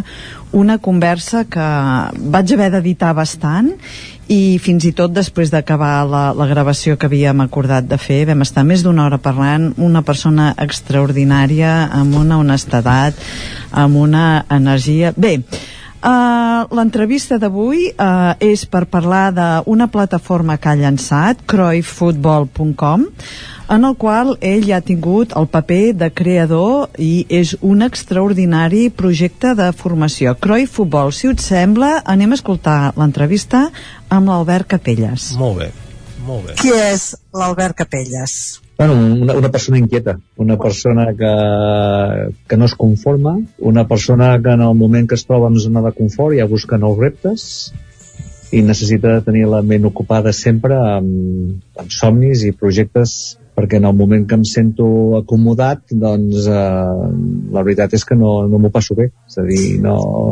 m'agrada estar una mica sempre fora de la zona de confort eh? per tant Està sempre estic buscant reptes Està molt bé, de fet has viscut a l'estranger i has tingut experiències a nivell personal i professional molt diverses, no és cert? Sí, sí, correcte. És a dir, a, a partir d'uns anys enrere, uns 12 anys enrere, vam decidir pues, a portar un ritme de vida diferent. Vaig deixar el Futbol Club Barcelona, eh, tenia feina allà, l'home em deia, però què fas? Tens una feina segura i ho domines, ho fas bé, diu, com és que te'n vas després de 10 anys aquí? I pues, precisament per això, pues, perquè ja ho domino, ja ho... Estic fent ara sempre el mateix i tinc ganes de fer nous reptes. Enteníem que, que el futur es anava complicant, eh, amb el sentit de que eh, s'havia d'aprendre anglès, volíem donar una educació diferent als nostres fills, amb mentalitat més del nord d'Europa, eh, més aquesta mentalitat escandinava, de països com Holanda, com Dinamarca, com Noruega, és a dir, és el tipus d'educació que volíem donar als nostres fills, en aquells moments tenien 5 i 7 anys, eh, i després jo tenia, estava al futbol base del Barça i tenia l'ambició de, de passar al futbol professional. La meva dona, que també estava dins del món del, del Pilates, l'educació física, també li permetia treballar això en països i formar-se també amb tendències noves i, i, i també encaixava amb, la, amb el pla d'educació que teníem pels nostres nens. Albert, vull que m'expliquis el projecte en el qual ara estàs més immers, que és el Crui Football. Què és, com neix aquesta idea de crear aquest projecte? Explica'ns una mica què és aquesta plataforma? Vale, la, la, la idea neix, jo em dedico al món del futbol, sóc entrenador de Dinamarca actualment, de la selecció sub-21, però a part de ser entrenador tinc la vessant empresarial. Llavors, eh, jo he après de molta gent i llavors eh, venia una mica per dues preocupacions, no? És a dir, una és, si jo he après de molta gent, ara que ja tinc una edat i he rebut molt de coneixement, què puc oferir a tota la gent que comença, no? Aprofitant tota l'experiència viscuda, no? I llavors d'això jo també em volia fer també com una mica com un, eh, una manera d'ajudar tantes persones com sigui possible, per això d'aquí la idea de que havia de ser online, vale? i la idea de que havia de ser en anglès, eh, tot i que després es traduirà en altres idiomes, com a part de, de, del live de productes que volem fer, de desenvolupament de la plataforma, i per tant és una plataforma d'educació, és a dir, d'educació per a entrenadors de futbol, per explicar aquest model d'èxit que hi ha hagut doncs, en el Futbol Club Barcelona, amb la selecció espanyola, eh, amb l'Ajax d'Holanda, la selecció holandesa, aquesta manera d'entendre el futbol basada en el Johan Cruyff, no? que va ser la, doncs, la persona que realment doncs, va canviar eh, el futbol en un moment molt determinat, doncs, eh, jo vaig tenir la sort, i la sort doncs, de col·laborar amb el Jordi Cruyff doncs, com a assistent en diferents projectes, i un cop va veure tot el que jo estava fent, doncs, el, el Jordi em va comentar, escolta, això encaixa molt bé amb, amb el que era el meu pare, no? I m'agradaria molt doncs, que, que poguéssim unir esforços no? per eh, treballar i explicar aquest model de joc, aquesta manera d'entrenar, aquesta manera d'inspirar a quantes més persones i llavors ella es va sumar al projecte. Va, va ser una conseqüència, és dir, no va començar com a projecte Cruyff Football, tot i, que, tot i que estava inspirat en Johan Cruyff des del primer dia, perquè jo havia après de Johan Cruyff des del primer dia. Per això segurament quan el Jordi Cruyff ho va veure va dir, ostres, és que això és el meu pare, no? Dic, sí, no? I eh, llavors hem fet una plataforma online on estem dibuixant el, els exercicis pues, que, de futbol que, que creiem que més funcionen per eh, entrenar futbol amb, a totes les edats. I llavors eh, els ensenyem com entrenar, com han de jugar, com han de fer scouting. I llavors és una subscripció mensual eh, com podria ser Netflix on uh -huh. ells es subscriuen, paguen un tant mensual, hi ha una mica de tot. És a dir, hi ha des d'exercicis que poden anar a consalt constantment, tenen sessions d'entrenament doncs, que es poden descarregar i es poden inspirar amb elles. Eh, jo faig vídeos online, eh, faig vídeos, gravo vídeos, tinc un estudi de vídeo aquí al meu despatx, vale? doncs amb, amb que gravem contingut de qualitat, el màxim en qualitat possible, i ho pengem a la web i ho compartim amb els, amb els nostres subscriptors, fem animacions 2D, eh, la veritat és que és una plataforma amb moltíssimes possibilitats i no ens ho acabarem en els pròxims 10 anys. No? Per això és una plataforma premium, per això és una, una plataforma que va sota subscripció mensual, no? perquè constantment estem generant contingut i això és potser el que la fa diferent d'altres plataformes, perquè al final nosaltres creem tot el contingut, no comprem contingut a fora. I una altra cosa que a mi jo sempre em sento molt orgullós de, de lo que fem és que està fet en gent local. Els nostres oients no ho poden veure, però dono fe que quan parles del teu projecte la teva cara s'il·lumina, o sigui que ens estàs realment transmetent allò que tu tens una ferma creença per tal com ets i tot el que has viscut quins valors creieu que voleu transmetre més enllà de la tècnica futbolística en les persones que s'estiguin formant amb vosaltres? Bueno, nosaltres volem, eh, tenim uns valors que són el primer, el d'honestitat, no? Hi ha el valor de, de la passió també, no? De fer les coses amb passió, de si realment no t'ho creus, si realment no disfrutes, si realment no ho vius, és impossible que surti un projecte de qualitat. Per tant, totes les persones eh, ha començat per mi perquè això és un projecte que va començar des de zero, no? I el primer que m'ho vaig creure jo i el primer que ho vaig visualitzar jo, però jo he viscut aquesta passió des del primer dia i intento transmetre aquesta passió amb la gent que es va incorporar en el projecte i és més, és que si no detecto aquesta passió, doncs... Mm, ja no els afegeixes és que no se sentiran còmodes amb nosaltres, no? Perquè, per exemple, és una empresa que no tenim horaris. És absolutament flexible. És a dir, és absolut, la gent treballa quan pot, quan vol. És a dir, no, no, no controlem horaris. Hi ha absolutament la flexibilitat absoluta. I després, l'altre valor que, que ens agrada molt és el, el, parlem del valor de coratge, no? De que, que hem de ser valents, de que hem de ser emprenedors, que ens hem d'atrevir, que hem de creure en nosaltres mateixos, que segurament ho aconseguirem perquè no sabíem que era impossible, i gràcies pues, a l'honestitat, gràcies a la passió i gràcies al coratge, pues, pot ser que ens en sortim, no? I pues, són els tres valors que tenim a l'empresa, no? A part del repte del pressupost, qui, quins reptes creus que has tingut com a, com a emprenedor o com per engegar i tirar endavant a, a, a Cruyff Football? Que les coses comences que, i pensant en que seran d'una manera manera i que acaben d'una manera absolutament diferent. Que, que ningú esperi a tenir el projecte acabat abans de començar-se a posar. És a dir, si algú té projecte i té somni, que no s'esperi que es posi a caminar des del primer moment, des del primer dia, i mica en mica es diran obrint portes, es tancaran finestres i aniran sortint oportunitats. Eh, aspectes de l'empresa que tu havies visualitzat segurament no es podran dur a terme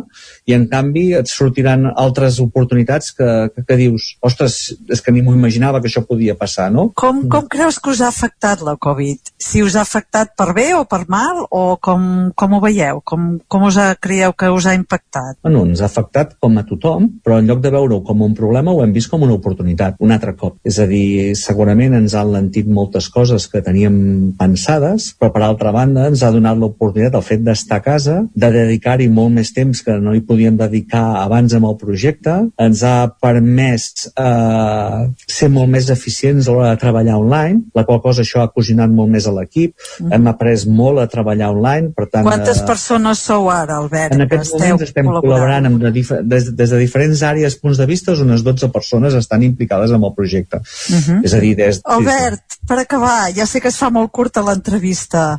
No, això... Quins plans tens per aquest 2021? Que, que, quines novetats teniu preparades per la plataforma o què, què vols eh, veure realitzat eh, durant aquest any que acabem d'encetar? Bueno, nosaltres eh, l'any passat, bueno, final de, de desembre, vam llançar la web per primera vegada oficialment a la venda al públic. Per tant, finalment, després de 4 anys d'esforços, eh, no s'ha fet en 15 dies, sinó després de 4 anys d'esforços, doncs hem aconseguit llançar la web eh, oficialment. Per tant, ara la gent de tot el món ja la pot comprar, ja comencem a tenir els serveis i ara el nostre, el nostre objectiu principal és, a part de crear nous continguts, és sobretot afiançar econòmicament el projecte per, i, això, i això es basa en fer créixer la web amb el tema d'usuaris registrats.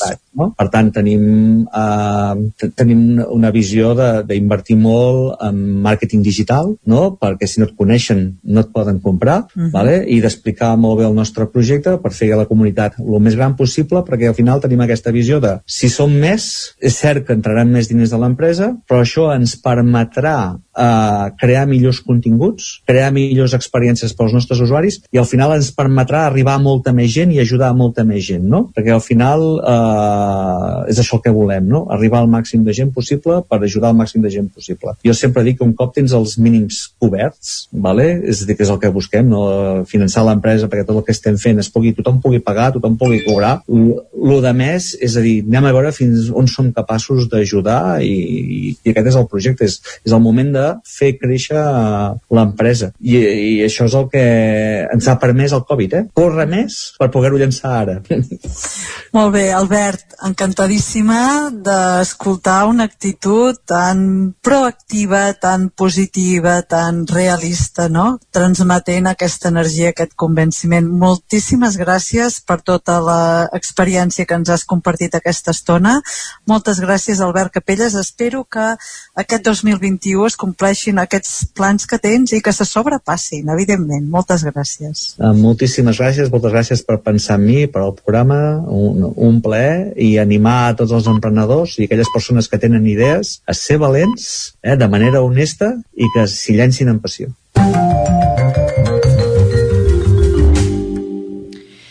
L'app d'aquesta setmana es diu Rosco Palabra i és el clàssic concurs de televisió que arriba en el teu mòbil. Es tracta d'una aplicació gratuïta que està disponible per Android i iOS i té diverses activitats que pots fer. Per exemple, hi ha uns sis minijocs, paraules amagades com el popular joc del penjat, troba la paraula connectant lletres, connecta peces de columnes, ordena lletres per endevinar una definició, sinònims, paraules a partir de les tres primeres lletres i la seva definició, i evidentment, el famós tortell. Si us dic el tortell no entendreu de què us dic, però si us dic el famós oh, rosco, sí. és a dir, una definició per cada lletra de l'abecedari, doncs és l'activitat, diguem-ne, estrella d'aquesta aplicació. Rosco Palabra. Molts usuaris es queixen de l'excessiva quantitat d'anuncis i que en molts casos es queda penjat mentre es carrega el joc. Per tant, la meva valoració és d'un 3 sobre 5. Anem a les notícies de tecnologia. Amazon va molt més enllà i compra una flota d'avions per agilitzar els seus enviaments aeris. El 2016 Amazon tenia 11 avions i actualment ja en té més de 80. S'estima que l'empresa pilotada per Jeff Bezos en podria adquirir fins a uns 200 més, arribant a igualar UPS, que és l'empresa de missatgeria més important dels Estats Units. L'empresa ha explicat que seran operats per subcontrates i no per pilots d'Amazon. Sens dubte, és una aposta molt important per millorar el seu servei i la posició dominant dins el mercat de l'e-commerce i els lliuraments. I per acabar, Parler, una xarxa social de la que ens sentirem parlar i molt. Aquesta xarxa ja està en plena eh, apogeu d'una polèmica. Uh -huh. uh, va ser fundada el 2018 amb el lema de ser una xarxa d'expressió lliure. La setmana passada va fer el salt quan milions de seguidors del senyor Trump van veure censurat el compte del seu líder a, a Twitter. Aquesta app és una mena de Twitter, de fet, que l'any passat ja va tenir més de 10 milions de descàrregues i els, els microbloggings que s'envien són els que se'n diuen parleys i que els usuaris poden comentar o fer ecos. Un eco seria un Una equivalent a un retuit. repiulada. Apple i Google ja van retirar de les seves botigues d'apps el dissabte passat Parler i Amazon va assegurar que ja no el vol allotjar en els seus servidors. És ben bé que allà on el senyor Trump hi posa el dit hi ha polèmica. I amb això acabem el programa d'avui. Ens escoltem la setmana que ve. Molt bé, doncs moltes gràcies, Xela. Gràcies, Xela. Esperem que Donald Trump no posi el dit segon segon abans de plegar com a president dels Estats Units, no fos cas que s'organitzés una catàstrofe d'abast mundial. Doncs vinga, amb una mica de delay eh, que tenim avui amb, amb Cardedeu, acomiadem la Xela, ens retrobarem la setmana vinent i ara el que toca quan són les 11 i 3 minuts del matí és acostar-vos de nou l'actualitat de les nostres comarques, les comarques del Ripollès, Osona, el Moianès i el Vallès Oriental. Territori 17, amb Vicenç Vigues i Jordi Sunyer.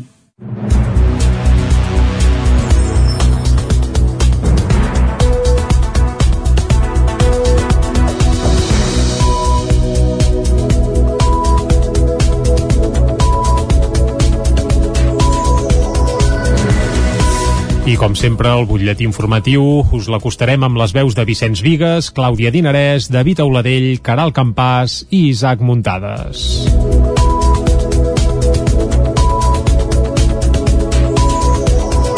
La vacunació contra la Covid-19 s'ha mantingut durant el cap de setmana a Osona, malgrat la nevada. A la comarca, segons el Departament de Salut, més de 2.000 persones ja han rebut la primera dosi. Aquest cap de setmana se n'han administrat a la llar residència de Manlleu, al centre Riu de Peres de l'Associació Sant Tomàs i a residències de Taradell, Roda l'Esquirol i Cantoni Gros. També ha començat la vacunació de personal sanitari dels hospitals de la comarca. Divendres, 360 professionals van rebre la primera dosi a l'Hospital Universitari de Vic, on la vacunació hi continuarà dimecres. Dijous es farà a l'Hospital Universitari de la Santa Creu i divendres a l'Hospital Sant Jaume de Manlleu. Els primers en vacunar-se divendres van ser sobretot persones que treballen a primera línia. Sentim per aquest ordre a Rosa Vila, auxiliar del Servei de Farmàcia del Consorci Hospitalari de Vic, a Miquel Vilardell, cap de Prevenció i Promoció de la Salut del centre, i a José Luis Lopera, cap de Medicina Intensiva del Consorci i amb ganes de que això s'acabi. Per això ho faig i espero que tothom ho faci, o tothom qui pugui, i hem d'acabar amb això ja d'una vegada, que estem molt cansats, molt. Amb números és que estem ja a 1.000 professionals del Consorci Hospitalari de Vic. O sigui, hi ha 1.000 professionals que volen vacunar-se, hi ha 1.000 professionals que estan convençuts d'aquesta vacunació. S'ha fet molt ràpid perquè han posat molts mitjans. És la gran diferència amb altres processos. La tecnologia és nova, sí, però està estudiada des del 2003 i probablement és la plataforma de futur de les noves vacunes. Les setmanes següents se'n se'n programaran més per completar la vacunació a tot el personal dels hospitals que, que ho ha sol·licitat i passats els 21 dies se'ls posarà la segona dosi. Codines i Caldes de Montbui tenen un índex de risc de rebrot molt alt. Caral Campàs, des d'Ona Codinenca. Les dades de contagis empitjoren a les poblacions de la part alta del Vallès Oriental i la majoria es troba en una situació de risc de rebrot considerada molt alt.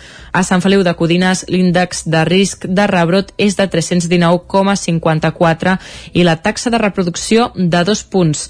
L'índex de risc en aquesta població ha passat de ser de 200 punts a aquests més de 300 punts, és a dir, ha augmentat 100 punts en només un dia. Els casos diagnosticats en PCR a Sant Feliu han sigut 8 la última setmana, quan l'anterior no s'havia detectat cap cas. Al mateix temps, Caldes de Montbui té un risc de rebrot de 498,05, també considerat molt alt. En aquesta població, la taxa de reproducció és de 2,43, lluny d'aquest 1 on hauria d'estar si l'epidèmia estigués estabilitzada o hagués disminuït. Els casos diagnosticats en PCR han sigut de 29 els últims 7 dies. Gerard Jiménez, analista de dades de Caldes, apuntava al seu perfil de Twitter que la situació és preocupant perquè a la població s'ha passat de 8 a 25 casos setmanals.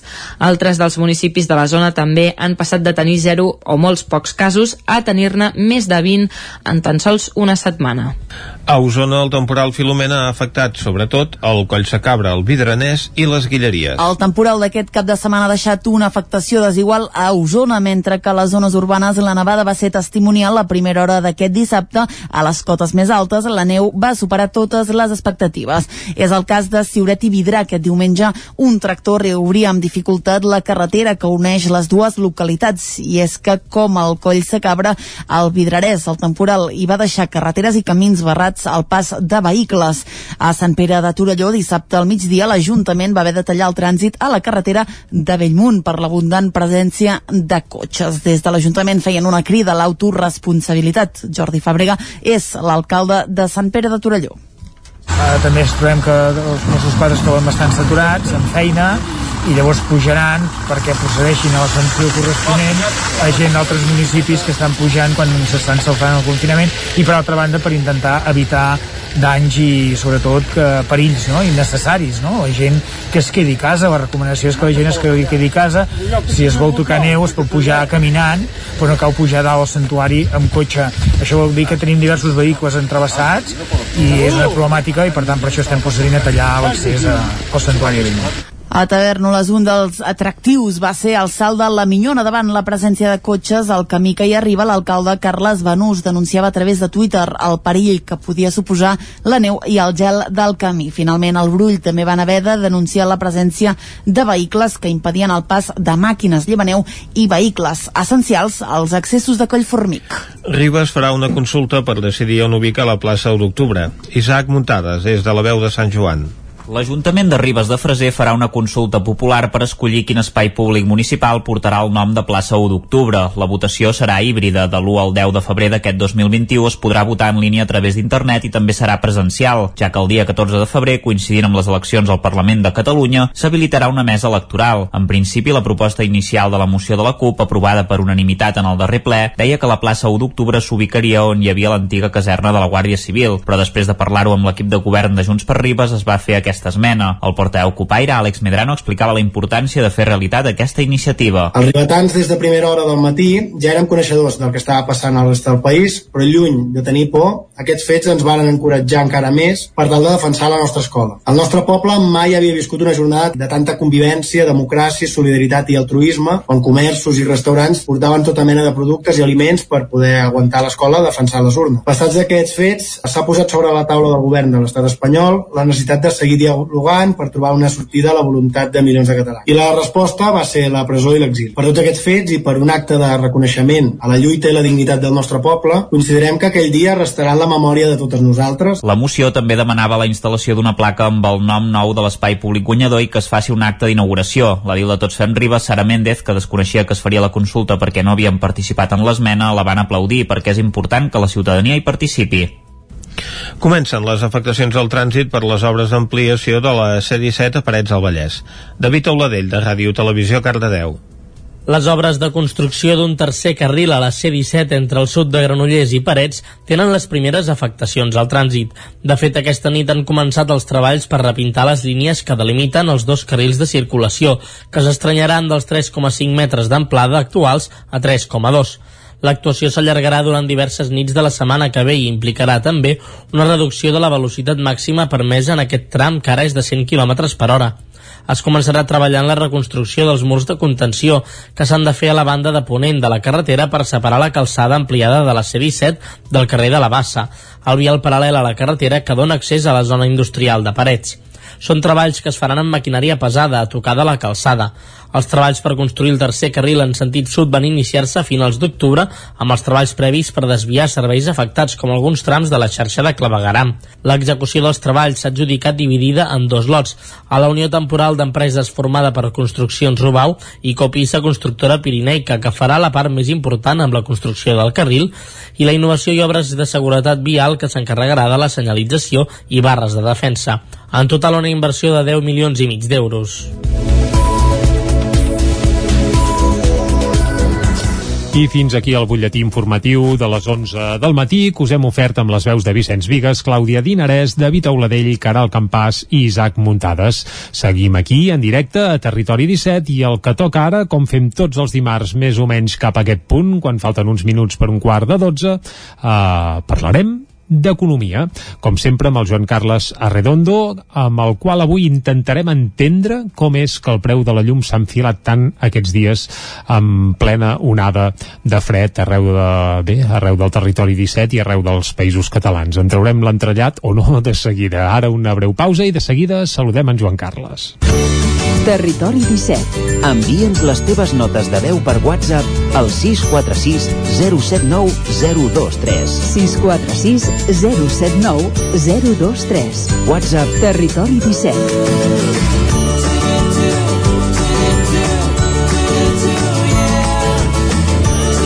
Territori 17. Som a Facebook, Twitter i Instagram amb l'usuari Territori 17.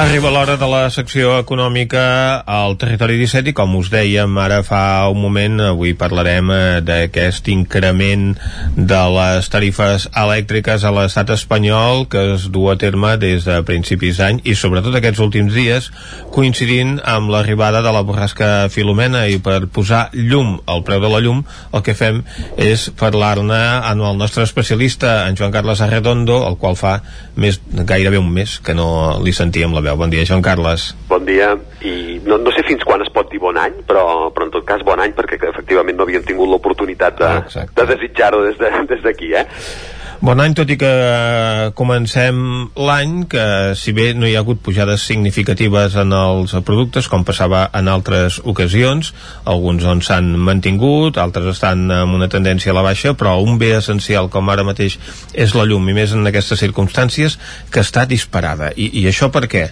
Això té a veure amb la llei de l'oferta i la demanda, té a veure amb que els consells d'administració d'aquestes grans empreses s'hi asseuen expresidents del govern espanyol i exministres que se suposa que són servidors públics?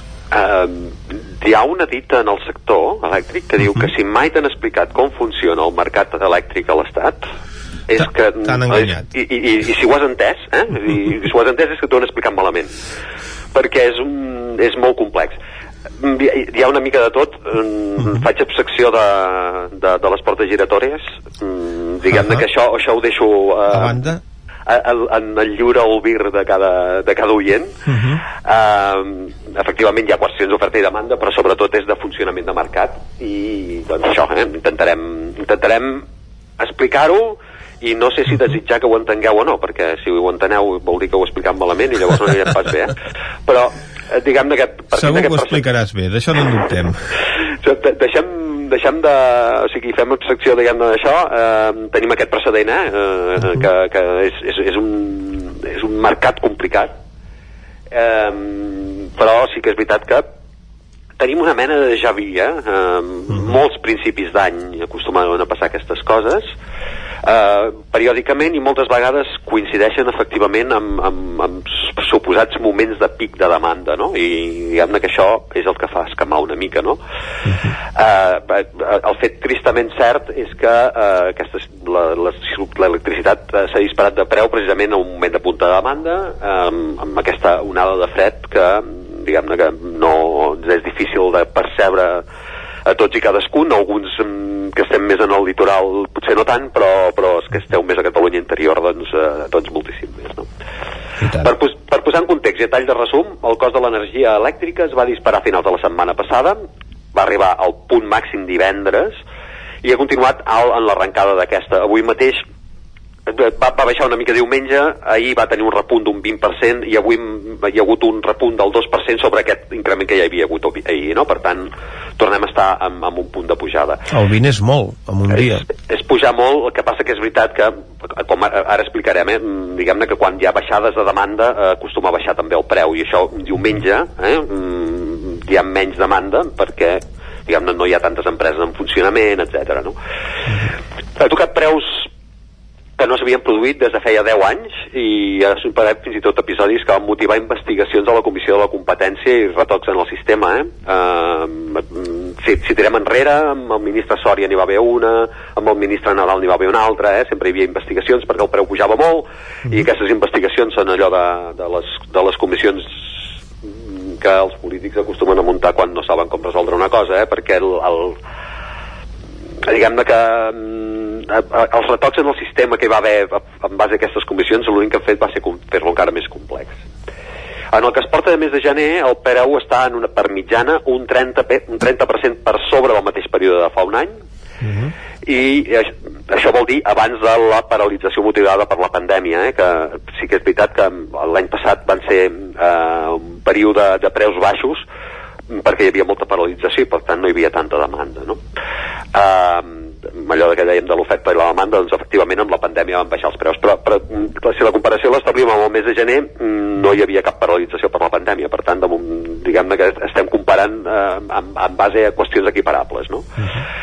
eh, això són dades de l'Organització de Consumidors FACUA que, que ha posat bastant el crit del cel aquests, aquests dies per, aquests, per aquest creixement eh, diguem-ne com gairebé li pertocaria no? una organització de consumidors normalment el que hauria de fer seria vetllar per això no?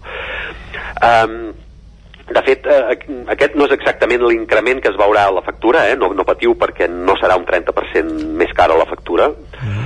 perquè el preu de l'electricitat no parteix només del que realment es consumeix. De fet, el consum només representa poc més d'un terç del total de la factura. La resta són impostos i uns costos fixos, també anomenats costos regulats, com poden ser la potència contractada, el lloguer dels equips, l'accés que paguen les elèctriques per accedir a la, a la xarxa, determinats finançaments de dèficit de tarifa de, de, de, de, de temps passats, subvencions al carbó nacional, subvencions a la generació d'energies renovables, diguem-ne que això serien, també se'n diuen peatges, això. Doncs tot això et, et ve un, gairebé amb, amb un fix a la factura i l'única per variable és més o menys aquest 3, un, aquest terç, aquest 35% més o menys de, de, de, de la factura. Com, com veiem ja comencem a, a veure aquí un punt de complexitat a tot plegat, eh? però ara, ara veurem com de complex és també eh, saber com es determinen, és a dir, si ja és complex el, el tema dels costos fixos, encara ho és més saber com s'estableixen aquests costos vari, vari, variables que són els que actualment estan, estan creixent amb aquestes, amb aquestes xifres que estàvem dient, eh, de 30% respecte a fa un any.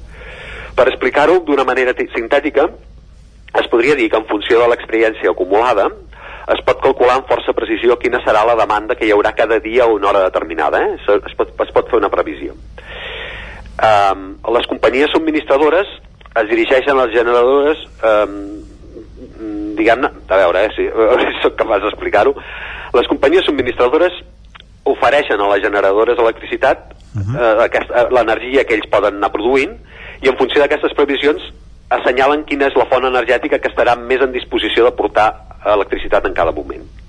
Per exemple, no és el mateix produir el cost de produir energia amb el vent o el sol, uh -huh. eh, les renovables, que amb una central nuclear o amb una central de cicle combinat, aquesta que, diguem-ne, que utilitza gas natural per, per, per funcionar i, i generar energia, o la del carbó. Eh? Les renovables i les nuclears solen ser les més barates, uh -huh. però pot passar que no faci vent, que no faci sol, i que llavors entrin altres eh, fonts de generació, o sigui, la generació d'altres fonts d'energia que són més cares, no? Com que són més cares, el preu puja, i a més eh, s'aplica el, el preu de l'última energia que ha entrat, diguem-ne, no? Si, si, si tu has posat el, el, en, en marxa un, un, una central de carbó, uh. -huh. el preu al qual es pagarà l'energia serà tota el mateix preu que has pagat el carbó, diguem-ne. És a dir, encara que l'energia que hi hagi una part d'energia que et vingui de solar o tot això, et vindrà sempre amb la més cara, que és el que està passant ara. Uh això val per les factures aquestes que en diuen de preu voluntari per al petit consumidor, que és l'habitual, eh? És, eh, normalment hi ha, gent que té discriminació per hores, etc, però normalment diguem-ne que la, la que et ve és, és aquesta. Per tant, hi ha encara més possibilitats, per tant, mm, sobre el contracte, eh? eh? que si, si tu tens un acord amb la companyia subministradora encara la cosa es fa més complexa. Però, diguem-ne que la cosa va sent, va, va sent així, no? Mm, Entra primer energies, mm, energia eòlica, el cost és bastant baix. Entra després la solar, és, el cost és bastant baix. Quan fallen aquestes dues, entra la nuclear, que el cost també és bastant baix. Uh, per, després entren els cicles combinats, el preu puja. I ja quan entra el carbó, uh, diguem-ne que el preu puja moltíssim més i, i, i és el preu al qual s'aplica a, tot, a, a, tota l'energia que, que t'estigui entrant en aquell moment. Complicat d'explicar? Mm -hmm. Espero que no ho hagueu entès, perquè vol dir que ho hauria explicat. Eh? S'ha entès Eh, perfectament. Vale, entesos. doncs aproximadament l'explicació del que està passant aquests dies és aquesta. Hi ha menys producció d'energia solar, menys hores de sol, diguem-ne aquesta, aquesta és fàcil d'entendre. Eh? Sí, sí. L'eòlic ha baixat perquè mm, hi ha mira, dificultats mira que ha fet vent. hi ha dificultats perquè funcioni tant quan no fan vent com quan en fa massa i llavors el que quan hi ha hagut moments de molta encalmada diguem-ne que no hi ha hagut producció d'energia eòlica i en el moment en què ha fet molt vent tampoc eh, n'hi havia massa i diguem-ne que no es pot controlar per tant eh, no, no hi ha hagut de la manera. Les centrals nuclears no han acabat de tenir capacitat per substituir aquesta energia i per tant han entrat les energies cares. Els cicles combinats funcionen amb gas natural que està en un període de forta demanda perquè l'onada de fred no només s'està produint aquí, també a Algèria, que és el lloc d'on ens arriba la majoria de gas natural que consumim, i per tant eh, ja ha entrat el carbó, que és la font més cara, i, i a més a més amb l'agreujant que aquest any se li han apujat el, la tarifa de, de produir carbó s'ha pujat perquè eh, s'ha pujat el preu de l'emissió de CO2 de manera que encara és més cara. Per tant hem tingut una tempesta més perfecta fins i tot que la tempesta Filomena eh? Uh, i que, que ha sigut la causant indirecta de la situació perquè és veritat que ha portat associada a més una forta davallada de les temperatures Però això sempre interessarà a les elèctriques, no?, que s'acabin activant les centrals de carbó, tot i el contaminant que això suposa, Sí, perquè que d'aquesta passa- manera cobren més cara tota l'energia, fins i tot aquella que genera, doncs, a través de mitjans molt més econòmics. Passa que tant l'energia solar com, com la eòlica mm, i, i sobretot la nuclear eh, tenen un punt en el qual si tu atures la producció estàs perdent diners. Per què són tan barates aquestes, aquestes energies? Perquè les, les generadores d'electricitat diuen no vull perdre calés i per tant he de vendre moltes vegades a Alemanya fins i tot arriben a pagar eh, costos negatius eh? Eh, no, no, no vol dir que no paguin la llum eh, els alemanys eh, no, també tenen tarifes regulades etc. Però, però això pot passar és a dir, que si surti més barat donar-la donar a cost zero que no pas eh, que, que no pas haver d'aturar la producció. Per tant, sí que els interessa, però clar, no els interessa haver d'aturar, diguem els altres cicles de producció que tenen, no? Eh, per tant, una cosa acaba compensant l'altra. Generalment, quan l'energia està en cost baix, eh, és perquè efectivament eh, no, no han entrat en joc aquestes, aquestes eh, fonts de producció més cares, no? El que, el que, em fa, el que fa reflexionar sobretot, sobretot eh, la, la situació actual és que eh, ja, ja, diem eh, que, que la repercussió d'aquest creixement del cost eh, en brut de l'energia serà mm, com diu la ministra del RAM per cert, el RAM, coses del màrqueting es diu transició ecològica eh, podem-ne dir, podem dir energia en fi, eh, do- doncs ella deia que seran uns quants euros uns quants euros pot voler dir que si es manté el cost com amb les xifres rècords de divendres passat es pot arribar a pagar una factura mitjana d'uns 83 euros, que són 15 euros més que fa un any. Eh? Vull dir, per, per, per ella pot ser uns quants euros, però per segons quina gent eh, no és pas poca pujada. Eh? I per moltes empreses també. Exacte, sí, sí. I el que posa de manifest la situació actual, com les anteriors, en les quals s'han obert investigacions, aquestes que dèiem que eren més de cara a la galeria que, que, que no de, de, de donar resultats tangibles, és la necessitat de plantejar algunes regles del joc que com a mínim aportin més transparència, perquè com s'ha pogut veure, diguem-ne que tot això és una mica opac, no? I com funciona, i quina subhasta, i com compren, és, és, és, és qualsevol cosa menys transparent, no? Els costos fixos eh, també es diuen costos regulats, eh? que vol dir que el govern o l'administració intervé en el cost final perquè regula alguns costos però resulta que quan intervé és per aplicar costos afegits. Llavors, la pregunta que, mm, que, que un es pot formular és per què no hi ha aquesta intervenció, per què no hi ha aquesta regulació, quan, quan pugui ser per reduir costos. I aquesta és una invitació que no crec que sigui impertinent de fer. Doncs deixem aquesta pregunta a l'aire, Joan Carles, i tanquem aquí aquest espai d'economia de cada dimarts, avui centrat amb aquesta polèmica que hi ha aquests últims dies per l'elevat preu de l'electricitat. Moltes gràcies, Joan Carles. Gràcies a vosaltres, bon dia. Segurament tindrem ocasió en altres programes d'anar parlant del cost de l'energia, perquè mm. de la manera que està regulada l'estat espanyol, doncs és font de polèmica constant. Ara nosaltres el que fem és una pausa i tornem tot seguit.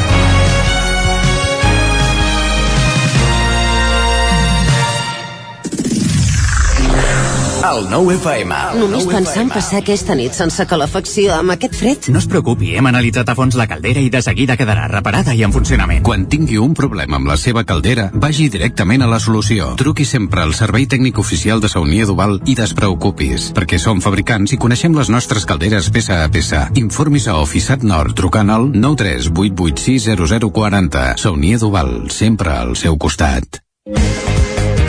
C Cosmètics, el vostre distribuïdor de perruqueria i cosmètica bio de la comarca, us agraeix la confiança de tots aquests anys i us convida a visitar la nova botiga online www.ccosmetics.net us obsequiem amb un 10% de descompte en la vostra primera compra.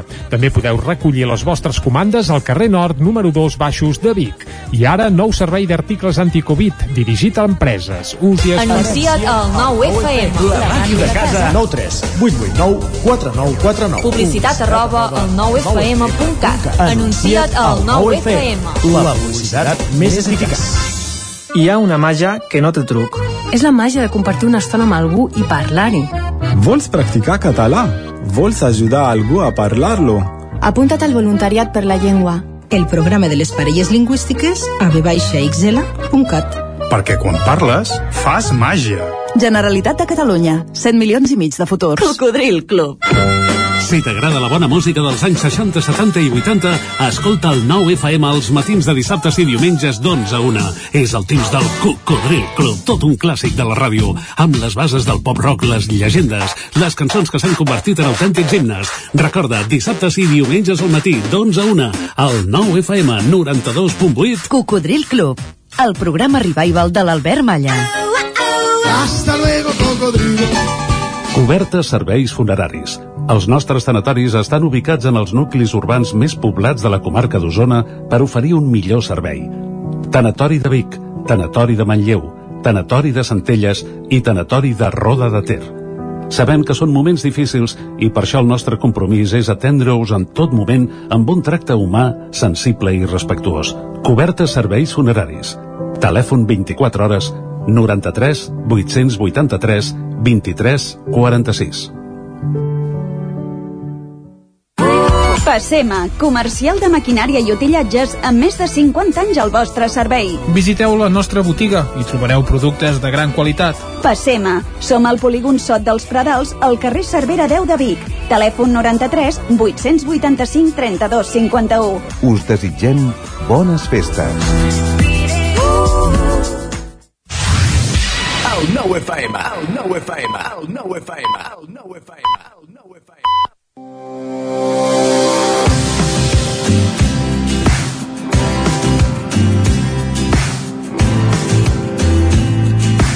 Al nostre Descobrint Catalunya d'avui ens desplacem per les zones radiofòniques que encara tenim confinament municipal a conèixer la població de Campins, al Vallès Oriental, dins la comarca natural del Baix Montseny.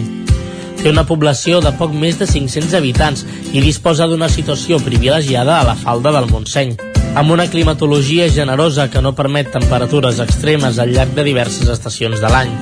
És un poble on venia molta gent a fer cures de salut anys enrere, una població estratègicament situada a tocar del mar per a Arenys de Mar i a la muntanya al costat del Turó de l'Home.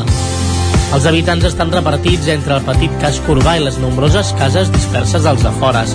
El terme és muntanyós i boscós, sobretot del sector nord. A la meitat sud, on el relleu és més suau, es concentra pràcticament tota la població. En aquestes terres baixes s'alternen els serrats i els sots, que es projecten paral·lelament cap al migdia com els dits d'una mà. Campins, malgrat la seva modestia com a entitat de població, és singular en molts aspectes. Està sobre una cubeta lacustre que va existir fa 30 milions d'anys. Les margues que es van dipositar van ser explorades a principis del segle per la primera fàbrica de ciment del país. Per una altra banda, el clima és el seu privilegi més gran, benigne a l'hivern i airejat a l'estiu que sumat a un entorn natural muntanyós i atractiu, expliquen la forta tradició turística d'aquest poble del Montseny. De fet, a Campins no només trobareu una àmplia oferta gastronòmica, sinó la possibilitat d'efectuar passejos i excursions per un ambient rural harmoniosament humanitzat. Per exemple, l'Ajuntament us proposa tres rutes, la de la rajoleria de Campons, la de Camp Pitarra i Sant Guillem i finalment la de Campins a Sant Cristòfol, amb un i mig, 3 i 9 quilòmetres respectivament. Si parlem de llocs d'interès per visitar, hem de parlar dels forns de ciment, que són un testimoni de la indústria tradicional del segle XIX a Campins, que va esdevenir pionera arreu del territori català per l'obtenció de ciment, pel que tenen un gran valor etnològic, social i històric. També podreu veure la Creu de Missions de Campins, que va ser construïda segons l'estètica modernista en un entorn paisatgístic on dominava visualment el territori. Finalment us parlo de la Font de la Mare de Déu de Montserrat, situada sota el poble, al peu de la riera de Campins, on hi ha un planell frescal ombrejat per arbres centenaris i allà és on es troba aquesta font, ben agençada amb un pedrís i una taula de pedra.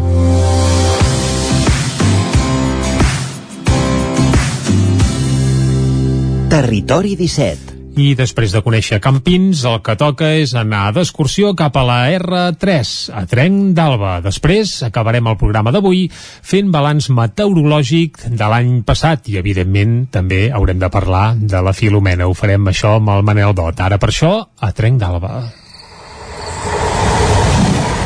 A Trenc d'Alba. Cada dia els usuaris de la línia R3 de Rodalies que veuen sortir el sol des d'un vagó ens expliquen les gràcies i les penes del primer comboi que uneix Ripoll i Barcelona. Benvinguts a Tren d'Alba. Avui continuem parlant sobre la història de l'últim bitllet de tren que es va expedir a Sant Joan de les Abadeses i que està en possessió de l'expert en història local Marcel Miquel, que la revista SJA del municipi va explicar els records que tenia dels combois que arribaven a la vila Sant Joanina els últims anys de l'existència dels trens. Miquel recordava molt bé la campanya de reivindicació del tren de l'any 1980, que va ser un any del centenari ben trist, perquè a mitjans del mes de juliol, pocs mesos abans que a l'octubre se celebrés l'efemèride, es va decidir substituir la línia per un servei d'autobusos fins que es pogués arreglar. El centenari només va poder celebrar amb uns trens de modelisme on hi podien pujar els nens. Una mica trist tot plegat. Com que oficialment la línia no estava tancada, tothom podia agafar bitllets fins a Sant Joan i els autobusos contractats a l'empresa Güell de Camprodon enllaçaven amb els trens que teòricament sortien i arribaven de Ripoll i el conductor d'autobús venia un bitllet de tren de Renfe per 26 pessetes durant els 5 anys que va durar això. Va, ens retrobem demà per explicar-vos més històries de l'R3. Territori 17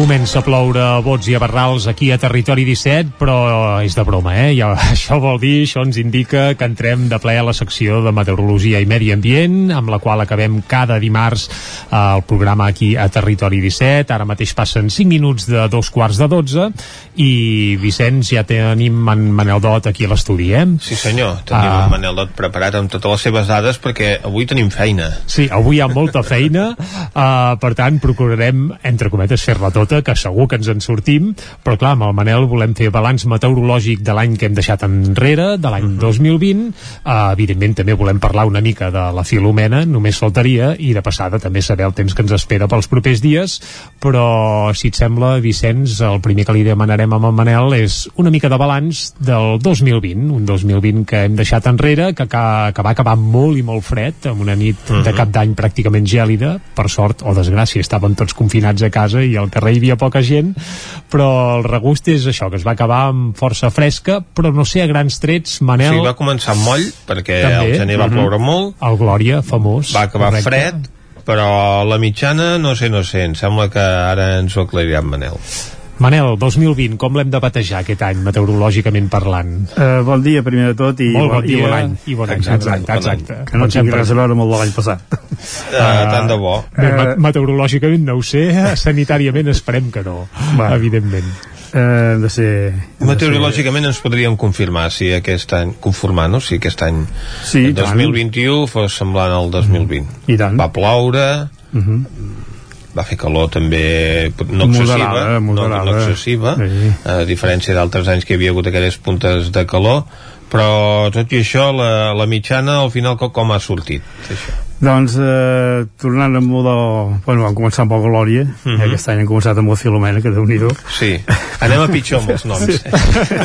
Sí, a l'hora de batejar les depressions déu nhi sí, sí. eh, Bé, tornem eh, el que deies, no? O sigui, el que ha estat eh, climàticament parlant, o sigui, el, meteorològicament parlant, l'any de 2020 ha estat molt bé, uh -huh. ha estat molt bé, perquè no ha fet excessiva calor, eh, les màximes van arribar crec que eren 36, 37 i que 36,8 per exemple a Vic uh -huh. i eh, el que és les mínimes doncs eh, fins al desembre pràcticament no va fer fred eh, el que deies tu, no? la segona quinzena de desembre sí, sí. va ser com vam tenir doncs, les mínimes més baixes pràcticament de, de tot l'any Uh -huh. i eh, la mitjana doncs, ha sortit alta eh, pensem que eh, o sigui, les mitjanes mensuals excepte un parell de mesos que no recordo ben bé quins són però em sembla que són sí, hi ha el setembre, l'octubre que van ser eh, també el, el juny que van ser una mica, una mica inferiors a la, a la climàtica, el rest han set tots superiors i esclar, la mitjana anual al final doncs ha sortit eh, 14,7 per exemple, el que tenim a Vic que es pot fer en general perquè Sí, sí, tot sí. arreu l'estat sí que no fa igual i la, la climàtica és de 13,8 o sigui que ser pràcticament un grau per sobre de, del que tocaria Uh -huh. Pel que fa a precipitacions doncs eh, està molt bé Home, clar, vam començar gener- molt massa el gener- En Manel, quan parla de molt bé, vol dir que n'hi han hagut moltes, però clar, potser a algú ja li va bé que plogui poc, però vaja. Uh, sobretot eh, el que és important és com van repartides aquestes Ah, pluges, això, perquè a això. principi d'any eh, va causar No. mal el temporal. Home, el Glòria va ser bèstia, uh -huh. veritat, eh, va caure pràcticament en dos dies, l'aigua, dos, tres dies. I són, hi ha punts que el cantó, de, el cantó del Montseny, per exemple, eh, crec que era, que tinc per aquí apuntat alguna cosa, uh -huh. bueno, per exemple, la banda del cantó del Brull o la banda de Viladrau, així, hi ha punts de, de 400 litres i en passen i tot.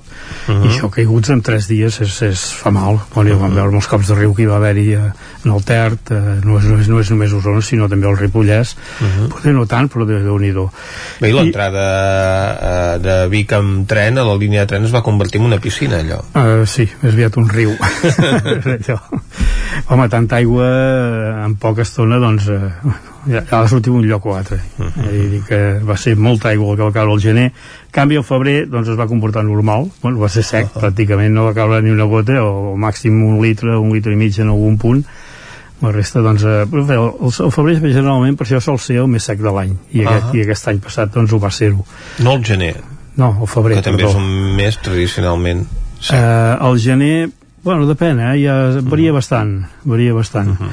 Uh, però va ser, va ser extraordinari pel pas d'aquest de Glòria. Uh -huh. El febrer va comportar normal i el que és eh, bueno, març, eh, juny no, març, perdó eh, març, abril també de nhi eh, bastant normal, però en canvi del que és el juny ja es va disparar. El juny hi ha, hi ha punts que passen dels 300 litres també. Uh -huh. o sigui que anem sumant. Sí, Uh, després l'altre que és o sigui, que és el juliol eh, bastant normalet eh, una mica per sota. Uh, agost eh, i setembre o sigui la tardor va ser bastant seca eh, o sigui la pluja la precipitació va ser fluixeta Uh -huh. però en canvi el novembre va ser ja, es va tornar a disparar molts punts, van passar dels 100 litres per metre quadrat i que algun, algun punt va arribar als 200 o sigui que en general doncs l'any meteorològicament parlant en plan de precipitacions va estar molt bé Uh -huh. que cada mes va caure i excepte doncs eh, aquests com, com per exemple el gener doncs el, el resta del juny va ser bastant durant tot el mes uh -huh. és un dels, dels mesos doncs, que van quedar amb la mitjana per sota degut a que la, que la temperatura va ser hi havia mol, molts més núvols va, va quedar més, més baixa uh -huh. i a més humitat també i va quedar més baixa i, eh, però al final de l'any doncs, bueno, el desembre eh, va ser un desembre ja tirant a sec o sigui també va ser sec, va una mica, una mica com a l'octubre i el setembre una mica més encara i, i el que és eh, de temperatures, per exemple, doncs el desembre també va ser càlid, tot i el fred que va fer a partir de Nadal. A partir de Nadal van ser doncs, les mínimes eh, més baixes eh, de l'any pràcticament. Mm -hmm. Uh, què més? L'assumpte boires, tempestes poques, allò que dèiem. Sí, final, les tempestes aquelles de, de final d'estiu, no? De vegades del, del mes d'agost, que a la tarda doncs, fa algun ruixat, aquest any no es van produir. N'hi va haver alguna, però poques, sí eh, no tant com l'altre any però que l'altre any pensa que vam arribar a 42 graus eh, sobre zero i llavors hi havia la, la temperatura, o sigui, també fa molt l'aigua del mar ah. si és més calenta o és menys calenta uh -huh. això reactiva més la, o sigui, els núvols no? i eh, de tempestes vam quedar doncs, curtets, eh, no, tant, no tant va ser un any doncs, eh, no són tot tempestes poc uh, boires, doncs uh, boires per exemple uh, uh, si fem un repàs a Vic ens vam quedar amb 89 boires Uh, i el, el 89 van... dies de boira 80, perdó, 89 dies de boira i això respecte a la mitjana perquè el, el, uh... els núvols també sí, en, en Manel és capaç de comptar-los tots un a un també no, uh, els apuntem no els apuntem a diari els núvols Veus? que hi ha eh? sí, sí, sí. cada dia al matí fem la, la lectura mirem el cel i comprovem o sigui, dividim el cel en 8 parts uh -huh.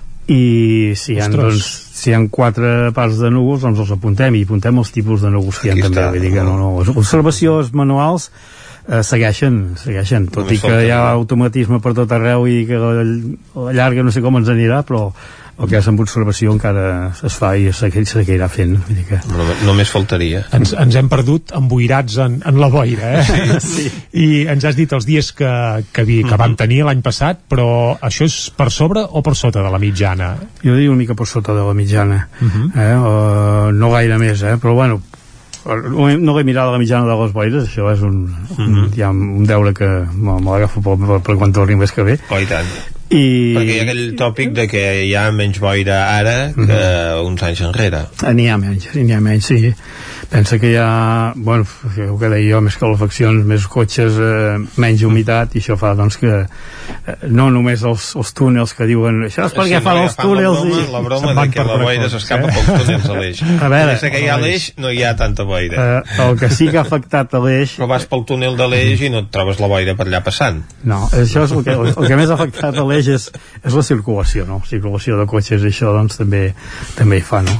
és més contaminació més, eh, més més, més, més escalfor també i això fa doncs que ara pel, pel forat del túnel pot una mica, hi ha una mica més de circulació però no, no el que sí que fa temps que no vivim Manel, jo recordo mm -hmm. quan era jove clar, és que ja tenim una edat, eh, Vicenç, uh, tu mm -hmm. i jo uh, i als anys 80 recordo dies d'aquells amb boira tot el dia i el mm -hmm. sol no s'entreveia i això podia durar uns quants sí, sí. dies això últimament, almenys a la plana de Vic és gairebé inaudit, no passa que hi hagin dies no, no, d'aquells no. sencers amb boira de cap a peu veus, eh?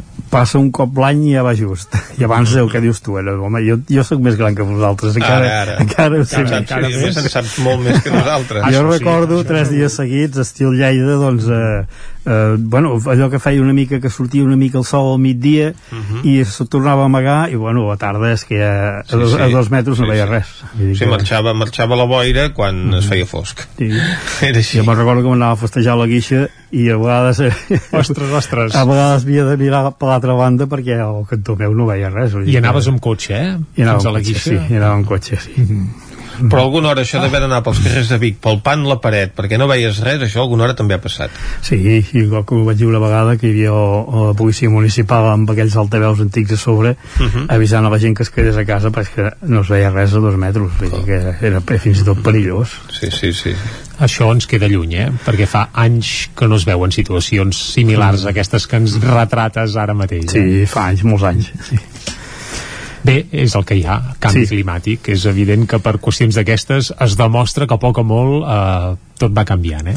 Sí, eh, si em deixeu fer una, sí, sí, una seguim, seguim repassant eh, encara sí, el 2020. Del 2020. Anem per les branques, però ja està bé. Bueno, anem ah, retallant perquè... Tenim temps, tenim temps. Sí, sí, sí. Seguim repassant l'any. Eh, del que fa a pluges, que deien que ha estat un any doncs, bo, doncs, eh, per exemple, el que és eh, a Vic, eh, o, o, de, o, de, o sigui, la mitjana són 700, 690, 700, uh -huh. ens han caigut 900, 901, o sigui que ha estat bé per sobre de... i en general a tot arreu, eh? vull dir, per exemple si fem una repassada, uh -huh. a Vitrà per exemple ha estat eh, de 1.622 litres carai, eh, al Això Brull és molt. sí, Sí, són sí. molts litres, sí uh -huh. home, pensa que aquella zona d'allà de Ciulet i tot allò en diuen que és el estil de, de ja és a tocar a Olot, a Olot perdó, uh -huh.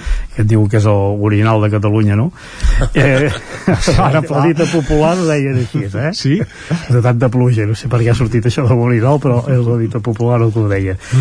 Doncs és un dels punts que plou més, a banda de Ciuret, eh, el Vidranès, Vidranès, Cabrerès, però tot i això, tot i ser dels llocs que plou més aquesta xifra és impressionant Sí, és bona, és bona. Uh -huh. D'altres que teníem, al cantó de, de Bons del Montseny, per exemple, a Viladrau amb 1014, 1415, perdó, el Brull amb 1268, eh, hi ha, per exemple, a l'altra banda, al cantó del Lluçanès, a Lluçà, mil, a 1245, a Olot una mica, a Olost, al Lluçanès una mica menys, 980,7, Prats 1004, en fi, a Sant Julià de Vilatorta 1076, Fogaroles 1155, Vilanova de Sau eh, 1300 i una mica més 1310, 1312 crec que eren en fi, Roda de Ter 1005 per pluja de moment ja dic que hem quedat molt bé molt. el que és el Ripollès i el Moianès per exemple a la Collsospina amb 874 Uh -huh. i eh, el que és el Ripollès i a Sant Pau de Segúries també amb 1655,5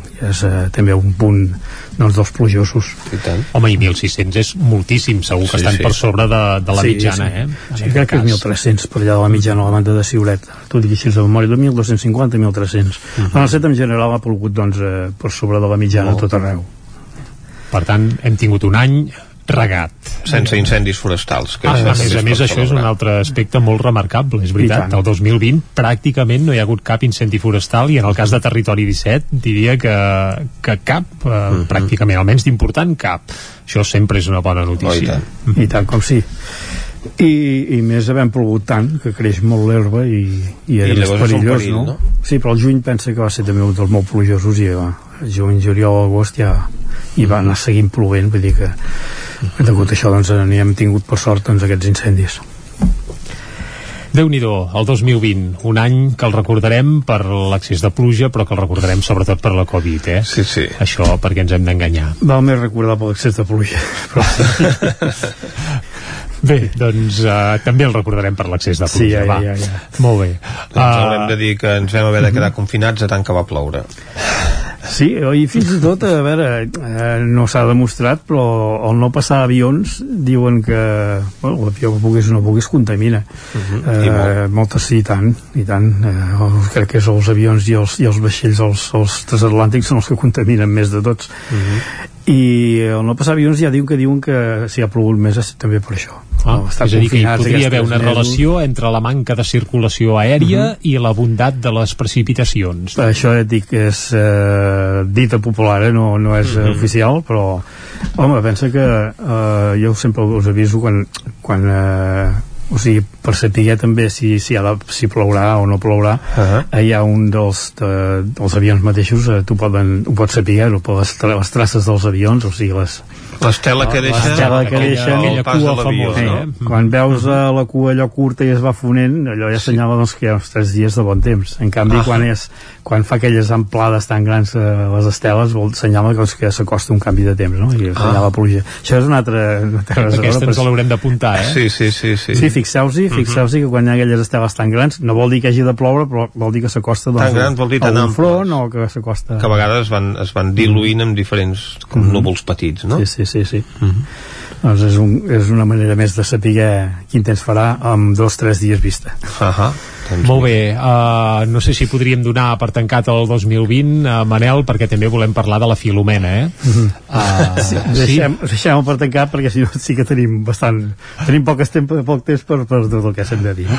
És que clar, és que el 2021 ha començat eh, que déu nhi uh, amb la famosa Filomena. Clar, a l'hora de batejar ja hem dit que no sabem com es fa això, si és com els huracans, per tant aquí no hi entrarem pas, però la Filomena ens ha portat molt de fred, temperatures molt i molt gèlides i a final d'any ja, ja les teníem aquí uh, per tant podríem dir que això Manel, quan es va encetar aquesta entre cometes, eh, onada de fred eh, que va ser ja ben passat Nadal això, no?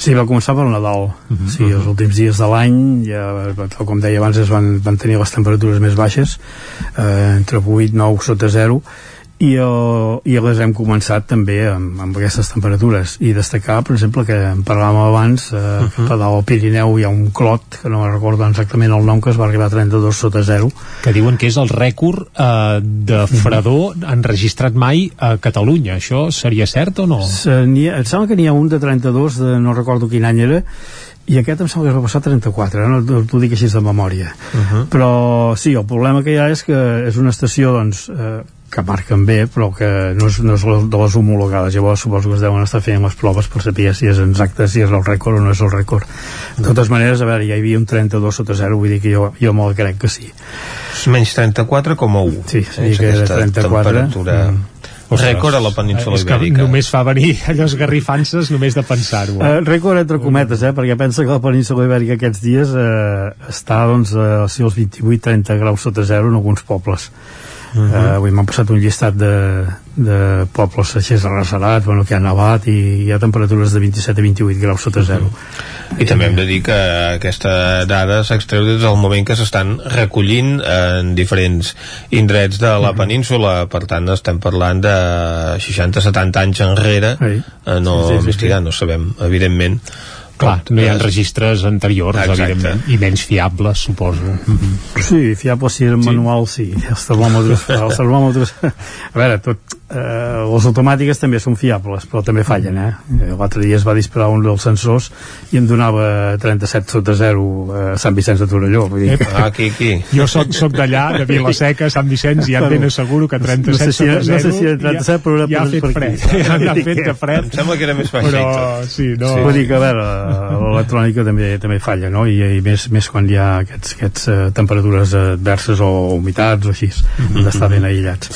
Però bé, uh, sí que ha fet fred i uh, destacar doncs, uh, aquests, aquests primers dies uh, les mínimes, doncs, per exemple, jo que sé, el cantó de eh, aquí han estat, han estat fredes pel cantó de muntanya i per exemple el que és, ja si parlem de, de la banda de Puigcerdà, d'As i tot allò d'allà mm -hmm. doncs hi ha hagut mínimes de, de 13-14 sota 0 igual que dalt a muntanya no? eh, ha fet unes nevadetes doncs, desert també, efectivament, ah, sí, sí. temperatures però, més però, baixes aquí dalt ja és normal, clar. ja és normal Estem a 2.500 metres gairebé. Aquí ens hem estat entre els 9-10 sota 0 el que és aquests primers dies Mm -hmm. i uh, el que és uh, el que és el, el la Filomena, ara que no em sortia el nom I ara volíem parlar també Sí. de neu, eh, Manel? Perquè diguem que la Filomena ens n'ha deixat eh, eh, desigual, eh? Ja se té un repart mal repartit. Allò, si fos la desigual. loteria no ha repartit gaire bé, eh? Territori 17, el Vallès pràcticament no va fer res, el Moianès sí que alguna enfarinada, sobretot cap a Collsospina, la Sí. Plana de Vic molt testimonial, tot plegat, però en canvi alguns racons del Coll Sacabra, del Vidranès que citàvem abans, n'ha caigut i molta de neu. I el Ripollès, que semblava que no havia de fer gairebé res, també déu nhi uh, Exacte. També hi ha, hi ha hagut alguna aportació important de, de neu, eh? Sí, i tal com, tal com deies, Collsospina estava entre els 15 i 20, eh, segons l'observador que em va passar. Centímetres, sí, I, els, I l'indret, molt, o sigui, va ser molt... Va, primer de tot, jo fel- felicitaria la gent que feia, que ha fet el, el, Les previsions, els pronòstics, no? que generalment no se n'en recorden només quan fallen. Exacte. I aquesta vegada la van clavar, perquè a la plana de Vic van dir que hi haurien entre 2 i 5 centímetres de neu. I això està clavat. I eh, jo recordo que eh, en Dani Ramírez per exemple va dir diu, una setmana abans En ja, Dani les encerta bastant. sí, ja em va dir una setmana abans diu, a dalt a, al cantó del Cabrerès, uh -huh. del Cabrerès diu, com a mínim 40 centímetres de neu Uh -huh. per tant, hi han caigut 41 a dalt, a dalt a sobre Sí, sí, sí, sí. dalt, el Cabrera, A Cabrera. eren 41 vull dir que i el Ciuret, per exemple si fem un repàs de, de la llistat d'aquests de, de neu, doncs a dalt a Ciuret hi han caigut 50 centímetres a la Venga de Bertet 40 centímetres a Vidrà 42, 38 a dalt a Cantoni els 35 de Rupit, eh, Bellmunt entre 15 i 20, 18 a Tabertet, eh, bé, en fi, eh, Muntanyola 20, en fi, ha repartit i bé, i els 41 aquests que us deia, doncs, a dalt a Cabrera. Eh, per cert que eh, hi havia fotografies precioses d'aquesta zona, sobretot el que és el Cabrerès, m'hi va pujar un company, i, i, eh, però és que... Eh, No fa aquí- falta que hi hagi neu perquè siguin maques les fotografies del Cabrerès. No, però no Sí, sempre, veritat. sempre són estampes boniques, És però veritat. clar, emblanquinades no passa cada dia. Per tant, Doncs eh, aquí el problema que també va haver-hi és el vent. Eh, hi havia cops que la neu anava de, o sigui, de través. No anar a baix sinó de través. Hi ha fotografies de les, de les càmeres doncs, que es veu, per exemple, de vidre que la neu anava de través. I eh, aquí això que va fer va ser acumulacions de neu doncs, de més d'un metre tant el que és el, sobretot el que és el cantó del Cabrerès eh, Cantoni, a dalt, a dalt Cabrerès eh, zones de, de Vidranès també cap a Cibret doncs hi ha acumulacions de, de punts que hi ha més d'un metre de neu. Això enganya una mica perquè és això, en algun d'aquests sí. punts on s'hi acumulava molta neu a conseqüència precisament de que li havia portat el vent. Clar, llavors a l'hora de, de mesurar has de buscar un punt arrasarat, que és Mhm. el que més o menys solem fer, i en aquí era que ens donaven entre els 40 i 50 centímetres de neu. Ara hi ha punts que passava del metro. Manel, ens queden dos minutets eh, i hem de saber quan s'acabarà aquest fred. Eh, per exemple, no sé, això eh, ja n'hi ha per dies o veus la llum, és a dir, veus l'escalfor al final del túnel? Com, com es preveu que, que ha d'evolucionar tot plegat? Jo no ho veig tan fred, eh? Jo dic que és un fred normal. Bé, Pensa que aquesta setmana són la setmana dels barbuts. Uh -huh. Que és la més freda de l'any. que diuen, diuen que és la més freda de l'any i de moment eh, serà freda però tampoc res extraordinari. Uh Mhm. -huh. aquí perquè sigui freda, fred extraordinari ha de nevar si aquesta neu que hi ha per allà el que és caigut aquí baix doncs un quart, ja estaríem a 15 o 16 sota zero. Però de moment eh, fred, jo diria un fred normal. O sigui aquesta setmana la tendència és anar pujant de mica en mica, les mínimes al matí avui mateix eh, teníem a Rupit 9 sota 0 però són zones que han nevat eh, la banda de Colls Espina també em sembla que estaven a 7 o 8 sota, 8 sota 0 també estaven Com a Madrid, no? Ho comentàvem Igual, aquest sí, matí. sí. A Ah, Madrid sí? estaven a 8 sota 0. Per tant, zona catastròfica. Anava a dir, home, no n'hi ha pas per tant, eh? Les zones que m'han passat, aquestes que us deia de, de 27-28 sota 0, suposo que són pobles de, no sé, d'Àvila, punts així eh, aïllats que, que baixa molt en cots, so, tipus de, de Vic quan, quan neva. Sòria, no? Uh, el que és aquests pròxims dies, el que és de pluja i precipitacions no se'n veuen, ben bé amb, fins a finals de mes no hi, ve- no, no hi havia res, he mirat abans eh, de venir aquí, i el que sí que, bueno, algunes boi, boires sí, eh, inversions tèrmiques i temperatures doncs, mínimes doncs jo diria normals per l'equa 3, 4 sota 0 els podem tenir. Per tant, un I les- gener tranquil·let i Sí, sí, eixut, diguem-ne. tranquil·litat i eixut, ara ho has dit. A part d'aquestes que han caigut eh, de pluja perquè aquí va ser molt poca cosa jo diria que s'ha eixut. I el que és eh, eh, d'allò temperatures màximes doncs eh, el cap de setmana s'enfilen cap als 11-12 graus. I que seran força suaus. Doncs esperem que pugin una mica les temperatures, ens recuperem d'aquest inici fred de l'any, que la situació es normalitzi una miqueta amb el que seria habitual per aquests dies de gener i el que hem de fer ara és acomiadar el programa d'avui. I també acomiadem en Manel, aquí l'esperem al mes de febrer per fer balanç d'aquest gener. Per tant, Manel, moltes gràcies, eh? Gràcies a vosaltres. Doncs amb en Manel ens veurem d'aquí un mes i amb els nostres espectadors i radioients ens escoltarem a partir de demà a les 9 del matí que tornarà al Territori 17. Fins llavors, salut i que vagi molt bé. Adeu. A veure. Territori 17, un magazín del nou FM. La veu de Sant Joan. Ona Codinenca I Ràdio Cardedeu amb el suport de la xarxa. El nou FM.